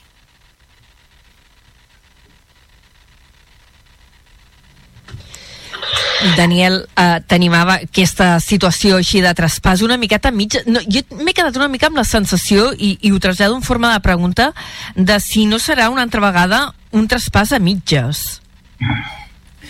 A veure, eh, ara imaginem-nos que posem-la amb la pell dels que ens escolten des del de, sud de tot de la demarcació. Volem que els trens de Casp entrin? O volem que el tren de Vinaròs entri? Sí, no? Doncs necessàriament haurem de tenir unes vies que hauran d'admetre un seguit de trànsits que no seran estrictament comunitaris, que no seran estrictament de Catalunya. Estem parlant d'una xarxa que forma part de la xarxa europea i que, per tant, tenim unes obligacions de deixar-hi passar trens de mercaderies que estan en mans d'operadors privats?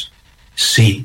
Per tant, d'alguna forma, arribar-se a pensar en què la xarxa d'ample ibèric acabaria funcionant com la xarxa de metro o com la xarxa de ferrocarrils de la Generalitat mm, és que tècnicament no podia ser. Es pot arribar a espais molt importants de capacitat de decisió i aquí nosaltres hi estem absolutament a favor i decidits. Però pensar en una xarxa absolutament independent, segregada, ni pot funcionar des del punt de vista tècnic ni, ni, tindria massa sentit des del punt de vista de legislació ferroviària. És a dir, per tant, no és que sigui un traspàs a mitges, no, jo no el vull defensar ni atacar, és senzillament el reconeixement de que aquesta xarxa té unes característiques que les xarxes actuals de ferrocarrils de la Generalitat no té. El tren d'Igualada només hi pot anar al ferrocarrils de la Generalitat perquè té un ample d'un metre i no està connectat amb res. I el mateix passa amb el tren del, del Vallès o amb el Cremallera de Núria. Aquí entrem en una altra dimensió, que és una xarxa que té connexions amb la península i amb el nord i amb, i amb França i que per tant doncs d'alguna forma haurem de tenir unes mesures de cogovernança eh, diferents. Amb això estic traient valor o posant valor? No, a mi el que m'agradaria precisament penso que el, la xarxa ferroviària és una cosa prou important com perquè tothom hi assumeixi. Evidentment la Generalitat en primer lloc i, i, i destacat, però que d'alguna forma possiblement s'haurà de continuar col·laborant en determinades coses o hi haurà d'haver una presència del, per part del, de l'Estat també.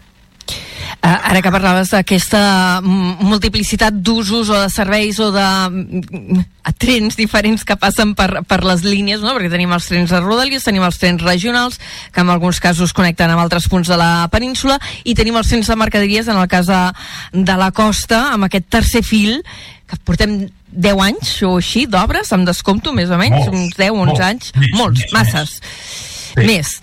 Um, i que ara um, i, i aquí pregunto si en teniu informació vosaltres com a plataforma, que no ho sé eh? uh, han de començar o van dir que aquesta tardor començarien obres uh, per enxamplar el túnel de Roda de Barà per poder habilitar també el pas de trens amb aquest tercer fil en teniu notícia i què pot comportar no. això pel...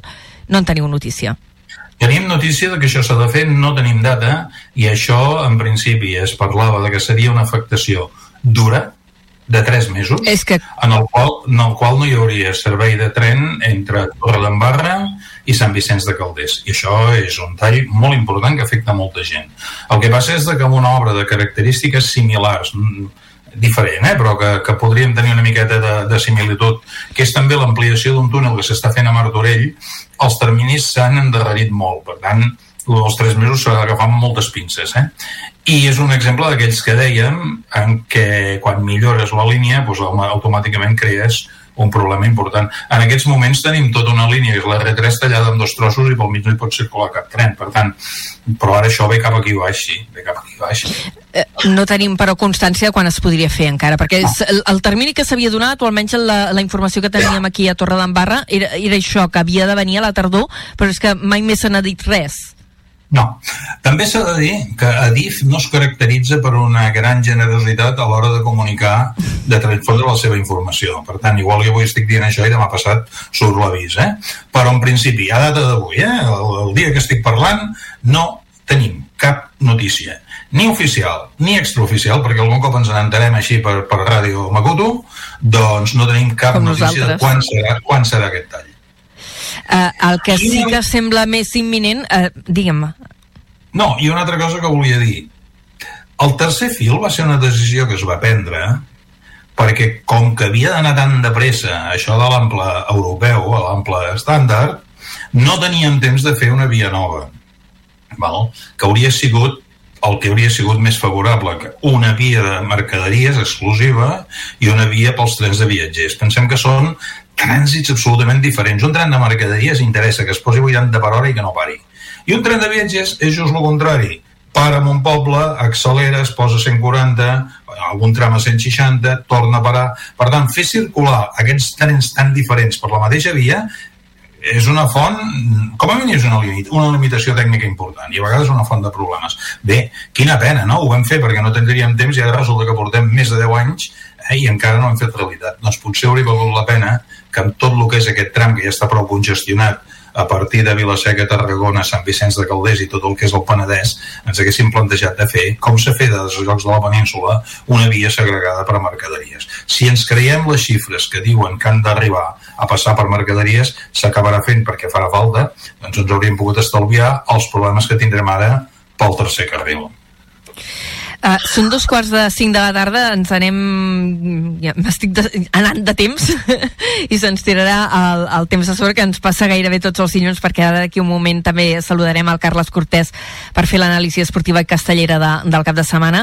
Uh, però hi ha una altra cosa, uh, Daniel, que uh, m'agradaria que valoressis, uh, que és també notícia recent, que és la licitació ja uh, de les obres de l'estació de Reus, de l'estació de Vallissens, uh, també era un projecte d'aquests que portem anys i anys eh, parlant-ne? Això sí que ho hem de valorar molt positivament. Aquí tenim en aquest moment dos coses a la demarcació que milloraran sensiblement el servei ferroviari. Bellisens n'és una. Tot el sud de la ciutat de Reus se'n beneficia, però no només, també la gent que va als punts d'atracció com són l'hospital o les facultats que hi ha en aquella zona de la ciutat. I l'altra és la decisió que finalment es va prendre de posar l'estació mal dita intermodal, o ara potser ho serà una miqueta, amb un punt que permetrà realment de que la gent que fa servir el tren convencional i la gent que fa servir la línia de velocitat alta puguin intercanviar. Això serà el terme de Vilaseca, però en tot cas això també donarà servei a tota la part Costa Daurada i les dues ciutats Reus. I això és de les poques coses que podem dir, sense cap mena de dubte que són bones notícies amb aquesta interció, estació intermodal de la qual encara potser queda una miqueta més en l'aire, la entre Vilaseca i Reus, us va agradar no? aquest eh, canvi d'ubicació, perquè al principi havia d'anar al sud de l'aeroport de Reus, llavors es va desplaçar més cap al terme de Vilaseca perquè quedés a la confluència de, de les dues línies, del corredor i de la línia de tren convencional? Hi ha una cosa, hi ha una cosa que no s'ha de fer mai, que és dir, jo ja ho deia, bueno, doncs no ho direm, però era la nostra petició era la nostra petició històrica des que se situés allà. I aquí encara hi podrem afegir, no entro el tema, eh, que no em puc allargar, ja m'ho ha dit, però de que això em permetrà una excel·lent connexió amb el tramcamp, cosa que farà de que la connexió del convencional i de la, i i de la velocitat alta amb la Costa Daurada, amb Salou, amb Cambrils, amb PortAventura millorarà molt respecte a la situació actual del trencamp ja no n'hem parlat, no tenim temps de parlar-ne fet avui, però l'emplaço un altre dia i ja parlarem d'aquí unes quantes setmanes, allò per no fer-ho pesat, eh? parlar de trens cada dia tampoc cal. Bueno, sí, perquè m'agrada, però no caldria, tampoc. No, uh, i, torna, I tornarem a xerrar i parlarem de trencamp i altres qüestions. Molt bé. Moltes gràcies. Fins ara, adéu-siau, bona tarda. Adéu-siau, bona tarda.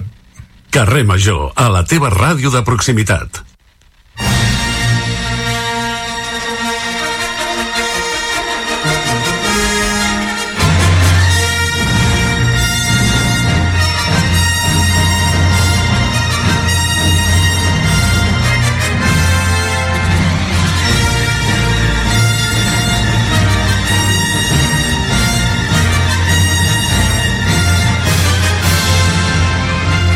Li he posat aquesta música perquè s'emocioni el nostre, el nostre primer convidat ja està plorant. Li cau la llagrimeta, li cau la llagrimeta, ho sé, ho sé. L'Escola de Cinema de Reus, la ESIR, celebra 10 anys de vida. Una dècada plena de treball, d'esforç, de talent i també de premis. Volem compartir un tros d'aquest pastís d'aniversari amb el seu director i fundador, en Daniel Villanueva, que el tenim avui als estudis de la nova ràdio de Reus i s'ha emocionat amb aquesta música. Daniel Villanueva, uh, bona tarda. Bona tarda, Toni. Sí que m'has emocionat. Que cabron. no m'ho esperava, això. No m'ho esperava que el convidat em digués que cabron. Daniel, què li diries al Daniel de fa 10 anys si tinguessis el DeLorean de Regreso al Futuro i poguessis tornar enrere després d'aquests 10 anys de, de l'ECIR, què li diries? Ostres, Toni, veig que l'entrevista la tens molt ben preparada i eh, avui hem vingut a disfrutar, eh? Has començat bé. Bé, eh, bona tarda a tothom. Mm, molt agraïts per la, per la invitació i bé, crec que li diria que, que tot sortirà bé que tiri que tiri i que, i que faci el que millor sap fer que és il·lusionar que és eh, produir cinema, fer cinema i ensenyar a fer cinema.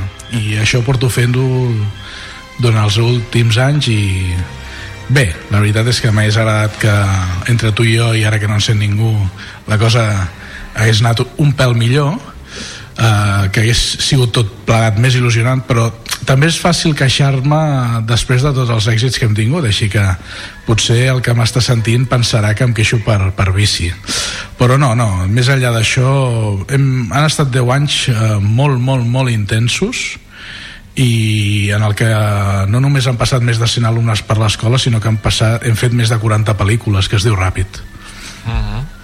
com, com va néixer l'escola, Daniel? Suposo que tot va començar amb el barco pirata, no? Podríem dir que va ser l'inici de tot?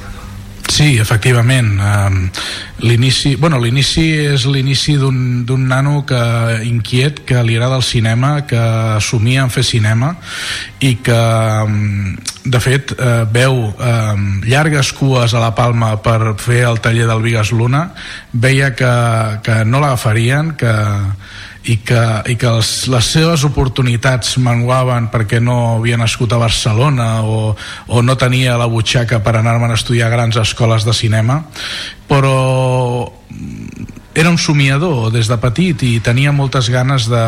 de no m'han no importat massa les, les limitacions ni vull dir, bueno, però si algú em deia que no es podia fer jo sempre m'he posat a la, meva vi, a la meva vida sempre he volgut demostrar el contrari no? que, que sí, que es podia fer i d'aquesta manera, amb aquesta filosofia de vida em vaig començar a emprendre els primers curtmetratges llavors va arribar un moment en el que amb el primer Goya a la mà i amb el barco pirata per bandera doncs, efectivament eh, vaig pensar que, la, que podíem estalviar el patiment de molts altres eh, creant una primera porta amb una amiga que ensenyés cinema a la gent jove amb ganes d'aprendre cinema des de l'ofici, no des dels exàmens i empollar i, i estudiar eh, bueno, sí, algo molt més senzill, més, menys acadèmic no?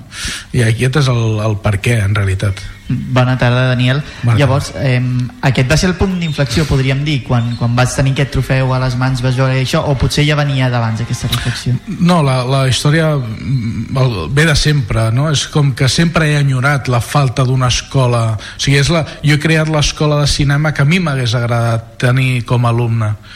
Uh, entenia el, perfectament les pors de la, de la gent que creu que té talent o que li agradaria fer cinema però no sap per on començar. Penseu que avui dia eh, potser sí que s'han tret moltes pors perquè l'internet no, ens ha fet ser youtubers i ens ha fet de, tothom de cop i volta sap fer de tot però la gran realitat és que avui dia tenim més tecnologia que l'Scorsese en, en la butxaca no? que quan, quan el, vull dir que, que tenim més tecnologia en la nostra butxaca amb un mòbil que la que tenia l'Scorsese quan va començar llavors, però no tothom l'aprofita per fer pel·lícules aquí, en aquesta revolució digital és on realment vaig pensar que sí era un bon moment per crear un, una petita escola de cinema on amb petits recursos poguéssim fer grans coses i aquesta sempre està la filosofia de l'escola de cinema de Reus no hi ha impossibles com d'alguna manera eh, hem volgut eh, compartir amb tots vosaltres no? aquests 10 anys i que no marxin a Barcelona perquè tot és Barcelona, tot és Barcelona tot és Barcelona, es pot fer cinema de qualitat des de, des de Reus, no, Dani? Bueno, sí, pensa que l'última aventura ens ha portat a alta mar amb un valer de pràcticament 15 metres hem estat tres dies rodant amb el nostre equip d'alumnes i és el primer, alu- primer curtmetratge d'un alumne no? que ha volgut explicar una història de bullying però en comptes de fer-ho en un institut ho ha fet en, un, en alta mar en un, en un valer um, no hem entès mai les, com et deia, les limitacions i no hem volgut veure-les. Així que uh, mentre, mentre soni la música ballarem. Has apostat per Reus has apostat, has apostat pel territori i també has apostat per professors i talent del Camp de Tarragona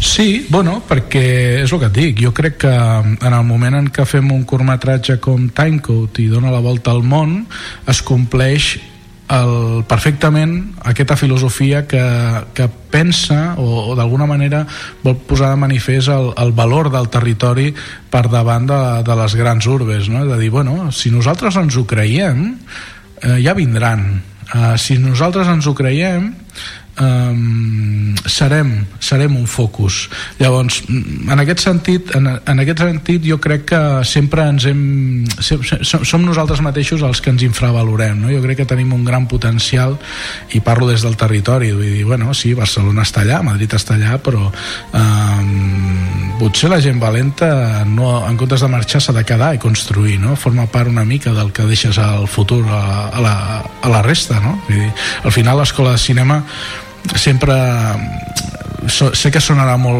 una mica estrany no? però d'alguna manera per mi és, com he dit, és l'escola que, que m'hagués agradat tenir com a alumne però també és l'escola que m'agradaria deixar un cop jo, no, jo marxi um, i és l'escola que crec que amb aquesta filosofia de fer les coses la que crec que hauria de perdurar no? vull dir que d'alguna manera tinc aquest sentiment i la defensaré fins al final no?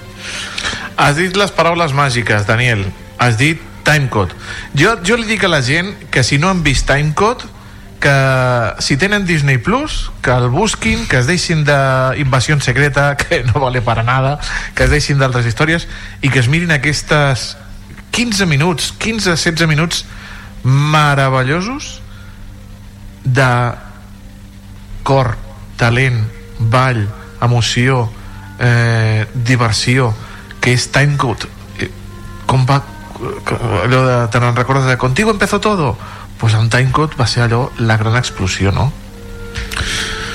Timecode eh, Toni és un gran regal que et fa la vida. En un moment donat, portàvem 3 anys d'escola i vam triar Timecode per la seva singularitat des del guió eh, però nosaltres ens hi vam enfrontar com una pel·lícula més. Vull dir, no, no sabíem el que ens venia damunt. I la veritat és que el viatge va valer la pena.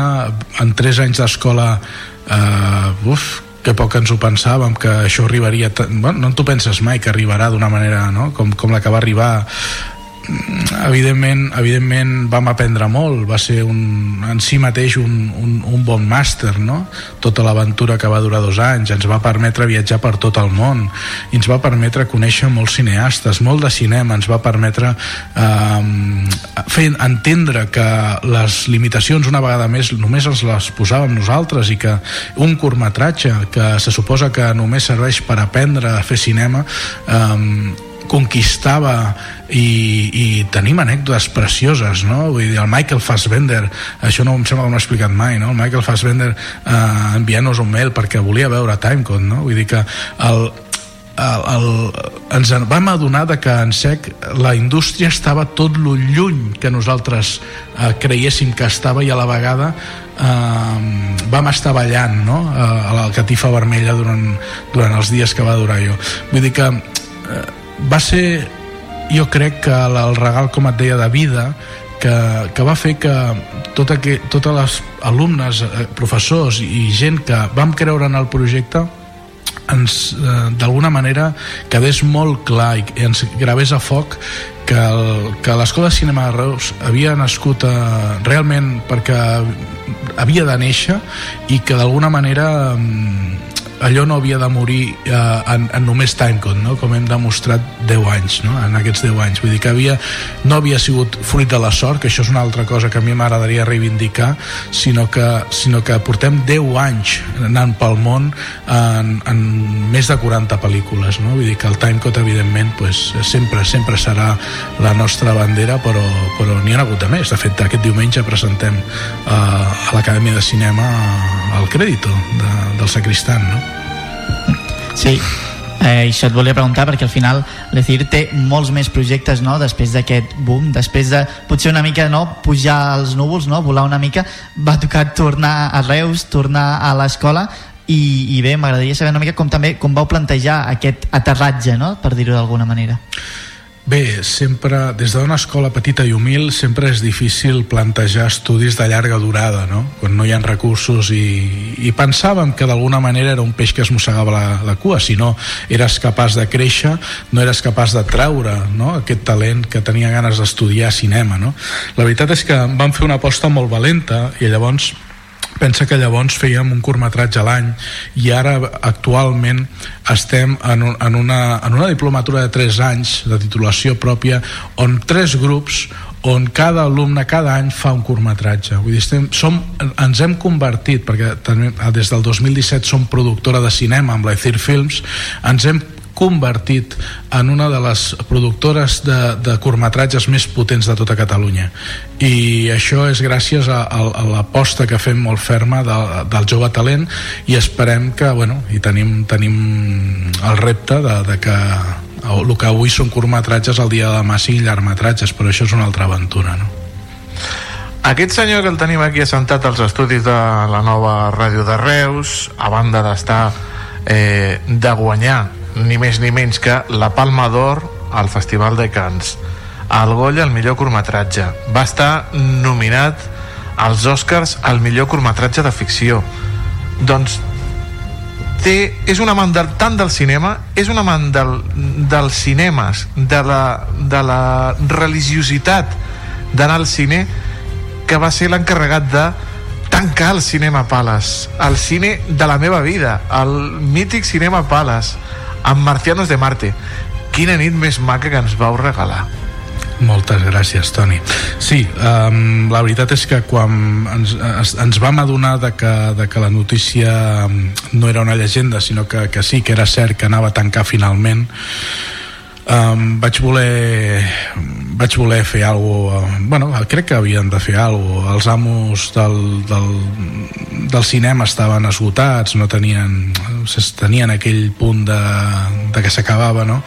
i els, els vaig convèncer que em deixessin rodar una pel·lícula dic, mira, en correrem molt perquè tal dia començava la demolició dic, però necessito ficar-me un parell de dies i, i rodar un curt. Es va rodar el curt, última sessió del director nostre exalumne, el Roger Bassó, i, i mentre feia, mentre fèiem la pel·lícula pensava pues, que ens faltava alguna més no? i que havíem de, d'acabar amb un, un final feliç no? que al final els cineastes eh, la majoria almenys ens agrada que hi hagin finals feliços no?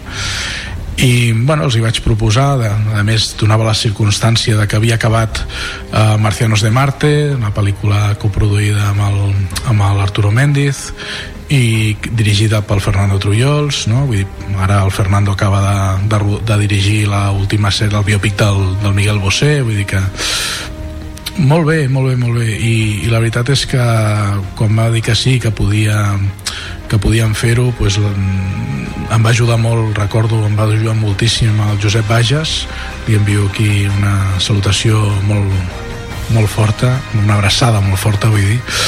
Em va ajudar molt a organitzar-ho tot i la veritat és que com tu bé has dit Toni, aquella nit crec que va ser màgica, no? primer perquè Marcianos de Marte uh, crec que era una pel·lícula molt adient uh, molt vuitantera, no? amb aquest toque vuitantero de, de, que, que d'alguna manera li pagava a, a la sala a la sala 1 del, del Palace i, i evidentment pues, uh, poder tindre l'oportunitat de dir-li adeu al Palace Uh, bueno, pues, malauradament uh, sona raro però sí, va ser, va ser una fita que portaré al meu cor sempre no?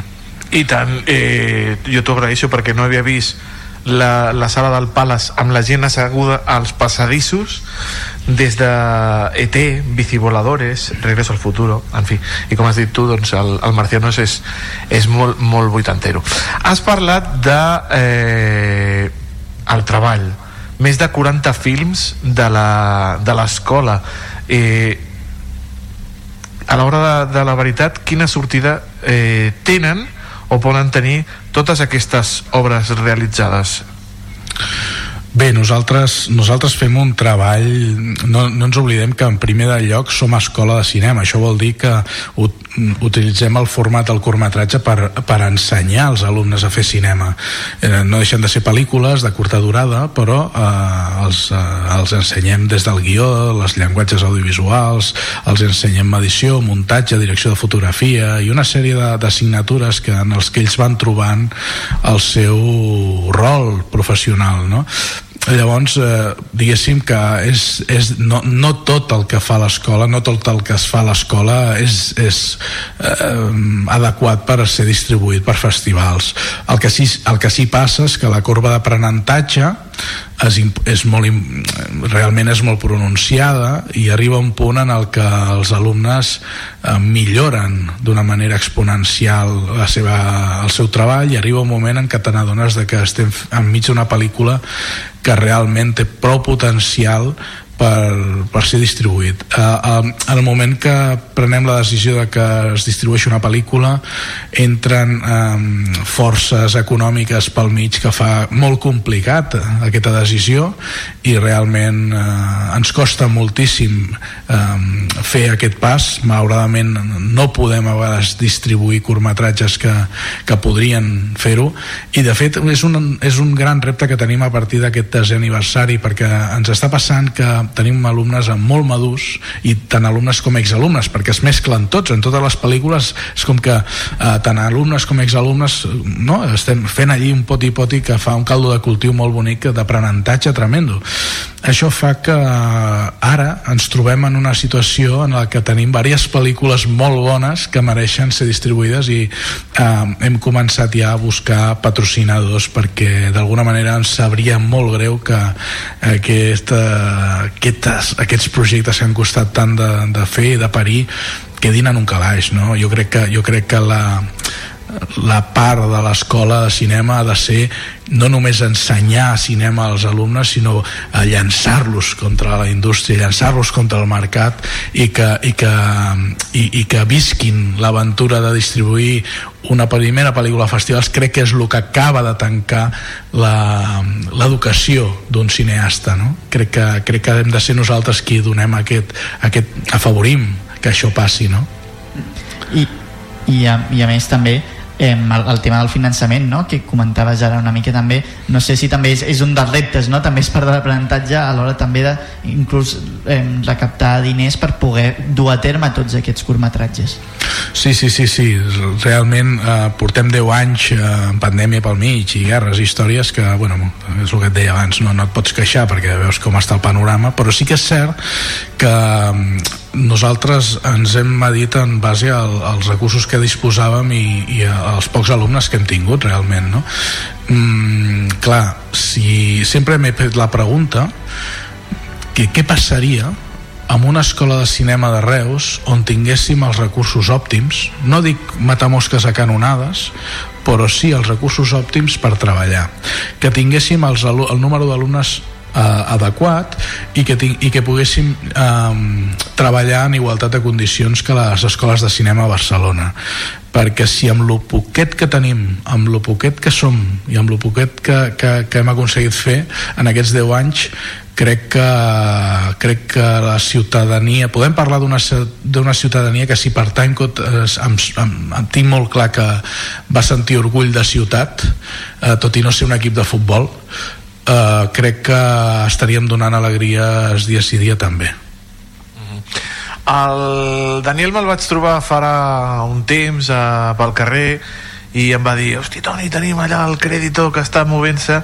Em va explicar així en 5 minuts els tejemanejes dels Goya que dius tu, però no és complicadíssim tot això ha de- ha de- ha d'estar premiada vi, en 25 diferents 20, ha de tenir més de 25 premis per optar al Goya bueno, bueno, no tants, no tants Bueno. ha de- ha de- ha d'estar selecció Vint- oh, digue'm, digue'm no, no, són 20, no? Per, per poder optar als Goya o 20 No, no, no, no, no, no, no pas, no pas, no pas. Uh, o ha de tindre, o ha de tindre um, un, o ha de guanyar el primer premi d'un festival de curtmetratges que qualifiqui els Goya, o ha de tindre set seleccions.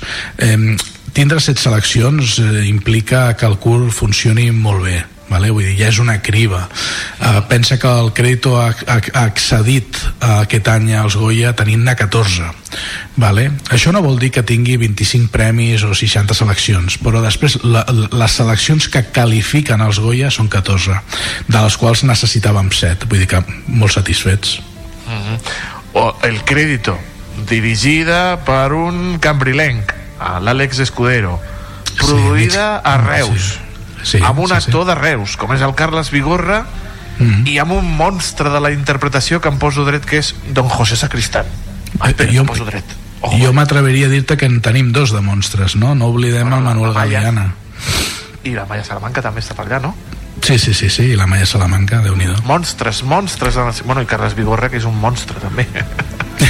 Sí, eh, ens agrada molt la filosofia, de, ho vaig aprendre de molt jove, eh, i m'agrada molt la idea de, de mesclar eh, gent del territori, professionals del territori que no es valoren perquè estan aquí, amb professionals de, del sector reconegudíssims. No? Vull dir, crec que això és una cosa que veureu fer durant els propers anys perquè crec que ha de ser així. No? Crec que l'Escola de Cinema de Reus està a Reus i no està a Barcelona ni està a Madrid i llavors ha de tindre una marca, una, una, una, una, una petjada, no? aquesta petjada de, del per què estem aquí, eh, d'alguna manera l'has d'identificar i la manera que tenim d'identificar-la és a través de les nostres pròpies produccions.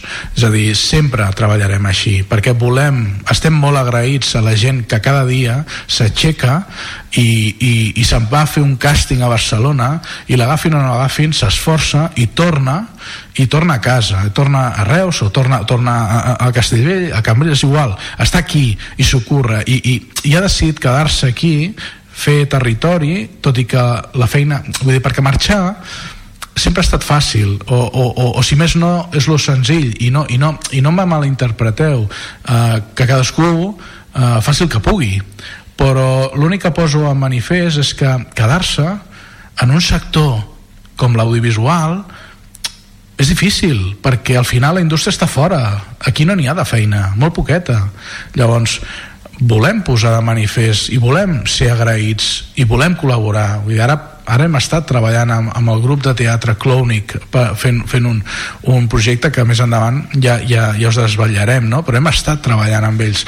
Vull dir i, i, i la veritat és que, és que te n'adones de, de lo professionals i lo bons que són no? i dius, oh, pues, escolta potser tenen més, més popu, no sé, són més populars o no o menys, però és igual, ens agrada treballar a la terra no? de, de, a la nostra manera no? Home, hi ha un de la selva, hi ha un de Reus, i dos de Reus i un de la selva, o sigui que la cosa ha de funcionar sí o sí. bona sí, gent, sí. són molt bona gent, la gent de Clownic. Has parlat abans de, eh, de Thir Films. Eh, què ens pots dir d'aquesta productora, Daniel? La CIR Films és una resposta immediata a, a, la, a entendre que com a, com a escola havíem de, com et deia, havíem de donar sortida al talent, no? Havia, o sigui, no pot ser que un alumne després d'estudiar cinema, perquè aquí no hi ha indústria, es trobi davant d'un salt de fe. Eh, ens agradava la idea des de l'inici a més al final som professionals que hem creat una escola i no al revés. Eh, hem après a ser professors eh, encara estem aprenent realment. Però el que, el que sí teníem clar és que si això és ofici l'ofici no s'ha de deixar de fer no? és dia a dia, és picar molta pedra llavors l'escola de cinema de Reus per si mateixa no tenia les eines per eh, traspassar la frontera educacional cap al món professional per això vam pensar que havia de tenir una, una, una, aquí sí, una productora, una empresa totalment vinculada, és a dir, en, ens, pensa que ens envien a vegades eh, guions i projectes de fora perquè produïm i, i no és la nostra política, no ens mirarem mai aquest tipus de projectes, han de néixer dins a través d'alumnes, exalumnes o mateixos professors.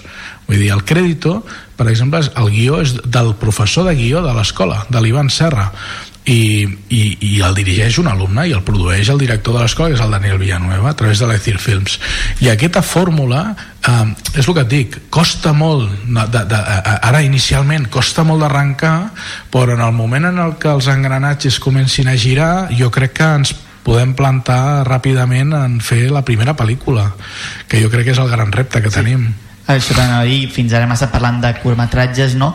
Uh, què suposaria un llargmetratge per a l'escola? el que suposaria i el que su vull pensar que és el que suposarà és la, la col·laboració directa amb la indústria és a dir, hi han dos mons al món del cine que és el món dels festivals, el món dels curtmetratges.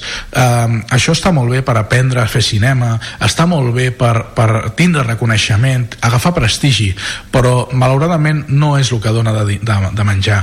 Eh, per, anar, per, per menjar has de passar a la indústria. Una cosa no lliga a l'altra, però una cosa sense l'altra no té sentit. Eh, que algú, algun tolai eh, d'en sexe posi fer un llargmetratge sense haver passat pel curtmetratge no té la meva admiració. Crec que és, crec que és un tarat mental perquè ho dic amb coneixement de causa després de fer 40 pel·lícules de curtmetratge és necessari passar pel curtmetratge per això ho tenim tan clar. Però una vegada hem assumit eh, al final tot aquest expertise, tota aquesta experiència creiem realment que arriba l'hora d'ajudar els nostres alumnes a tirar endavant els seus primers llargmetratges perquè entenem que és allà on està la indústria i és on la indústria ens rebrà i és on, la, és on amb aquests contactes realment podrem estendre el pont que falta perquè, perquè els nostres alumnes comencin a sortir de l'escola i puguin guanyar-se la vida. I, i, i no és que els meus alumnes puguin, no puguin fer-ho simplement dic que, que com a escola eh, crec que sincerament tenim el deute d'establir aquests ponts no? Saps quan surten ja les nominacions definitives dels Goya? Bueno, suposo que les bases és que me, me les he llegit dues vegades i no me'n recordo uh, crec que a finals de novembre segurament sabrem alguna cosa Sempre és un plaer parlar amb tu, Dani. Eh, eh, quin és l'últim còmic que t'has comprat i quina és l'última figura que has comprat o que has guanyat, punyetero? Ai, que... Um, Ai, bueno, pues... que cabron, com has dit al principi. Me l'has tornat. Bueno, pues, còmic... Uh, pues mira, uh, t'he de dir que l'últim còmic no és un còmic, sinó que és un llibre d'il·lustracions del Frank Frazetta que, el qual admiro molt jo, jo tinc dos, dos, eh, dos eh, autors de, un, de còmic que és el Minyola el Mike Minyola que, Mike Minyola. que, que per mi és, és un geni m'agrada molt, tot i que no ha estat encertat en l'última pel·lícula del Hellboy però crec que es va fer una gran obra va, crec que Guillermo del Toro li va fer un gran regal amb aquestes dues pel·lícules però bueno, en qualsevol cas com a, com a dibuixant crec que, crec que és, m'agrada molt i després el, el Frazetta pues, és algú que, que, que és curiós perquè no ho he explicat mai però d'alguna manera uh, ho tinc, tinc a Frazeta gravat a, a, a foc al meu cervell perquè de ben petit uh, en, uh, a la fira, no sé si us en recordeu de l'antiga fira de Salou hi havia sí. a part dels cavallitos i tot això, sí. hi havia un tren de la bruixa el tren fantasma i tota la façana tota la façana del tren de la bruixa hi havia dibuixos, estava tota dibuixada de dibuixos del Fraseta i, i aquells dibuixos em van, em van cautivar des d'aquell de, des de, des moment no? I, i des de llavors tenia jo, jo que sé 4, 5, 6 anys em va enamorar. Llavors eh, m'agrada molt l'obra d'ell de, i, i la segueixo. Um, i, com, i després em parlaves de figures. Bueno, pues, uh, sí, el Toni uh, pel que no s'hagi perdut un capítol simplement us puc dir que a part de, de com a amant del cinema eh, tinc un punt de, de, de friki ara quedaré no. malament però bueno, no, jo no ho porto molt d'orgull i, i, i, tinc, i tinc una col·lecció molt bonica de, de figures de 30 centímetres de, que representen personatges de pel·lícules no? i en aquest sentit mm, deixa'm dir-te que l'última l'última que, que ha arribat uh, és un és un Boba Fett de, de 60 centímetres i, i la veritat Aquest és és que una 4, bueno, no? Sí, és un personatge que, que, que de sempre també m'ha enamorat i tenia moltes ganes de tenir-ho, així que la veritat és que, bueno, és, mira, un, és un petit regal que m'he fet. Nosaltres ens hem enamorat de tu i de la teva escola Daniel Villanueva, director i fundador de l'Escola de Cinema de Reus. Un plaer. Eh, el cafè encara està pendent entre tu i jo, eh? Sí, sí, sí, el, el poses tu i jo El ja vindré jo. a la selva si vols. Una abraçada. Gràcies, Daniel. Fins la propera. Una forta abraçada a tots.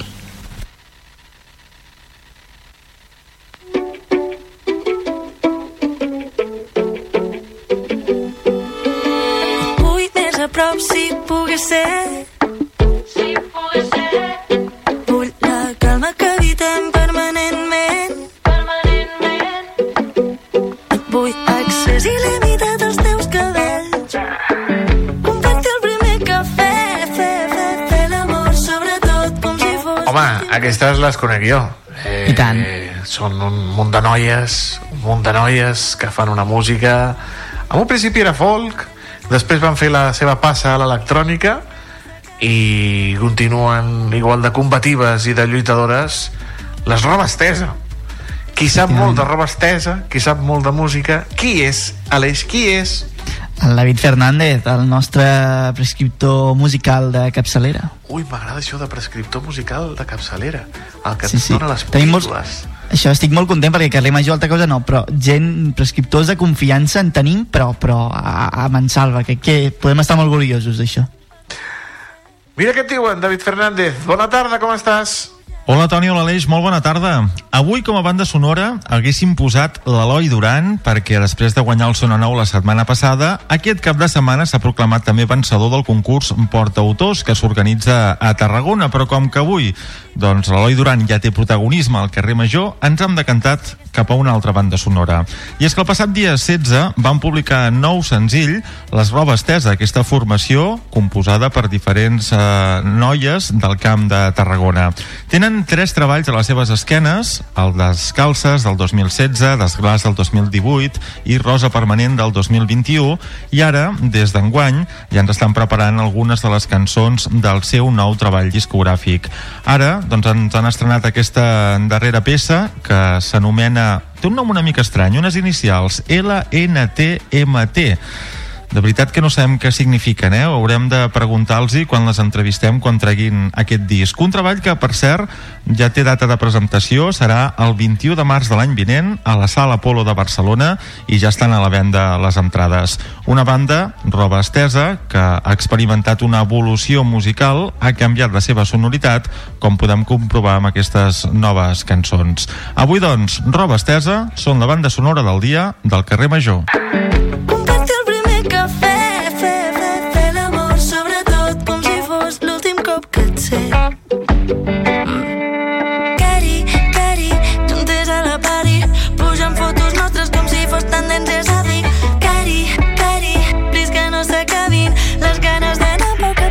que mo segues tan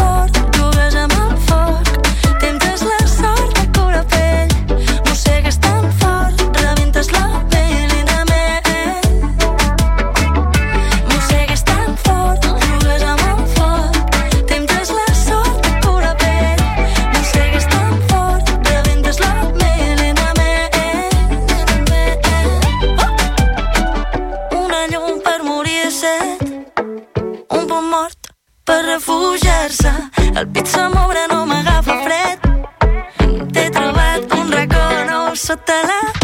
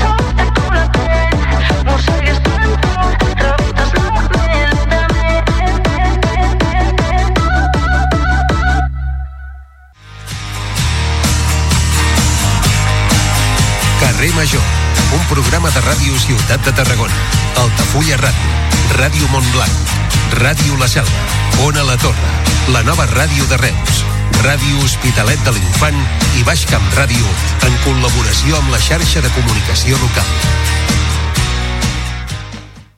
Va arribar el temps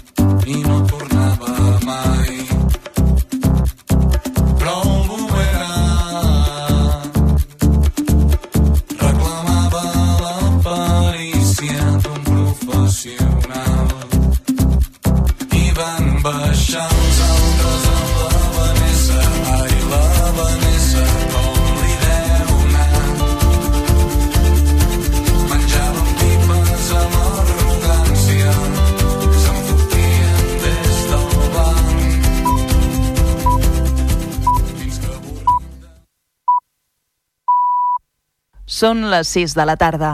Les tardes d'Altafulla Ràdio, la ràdio del Baix Gaià.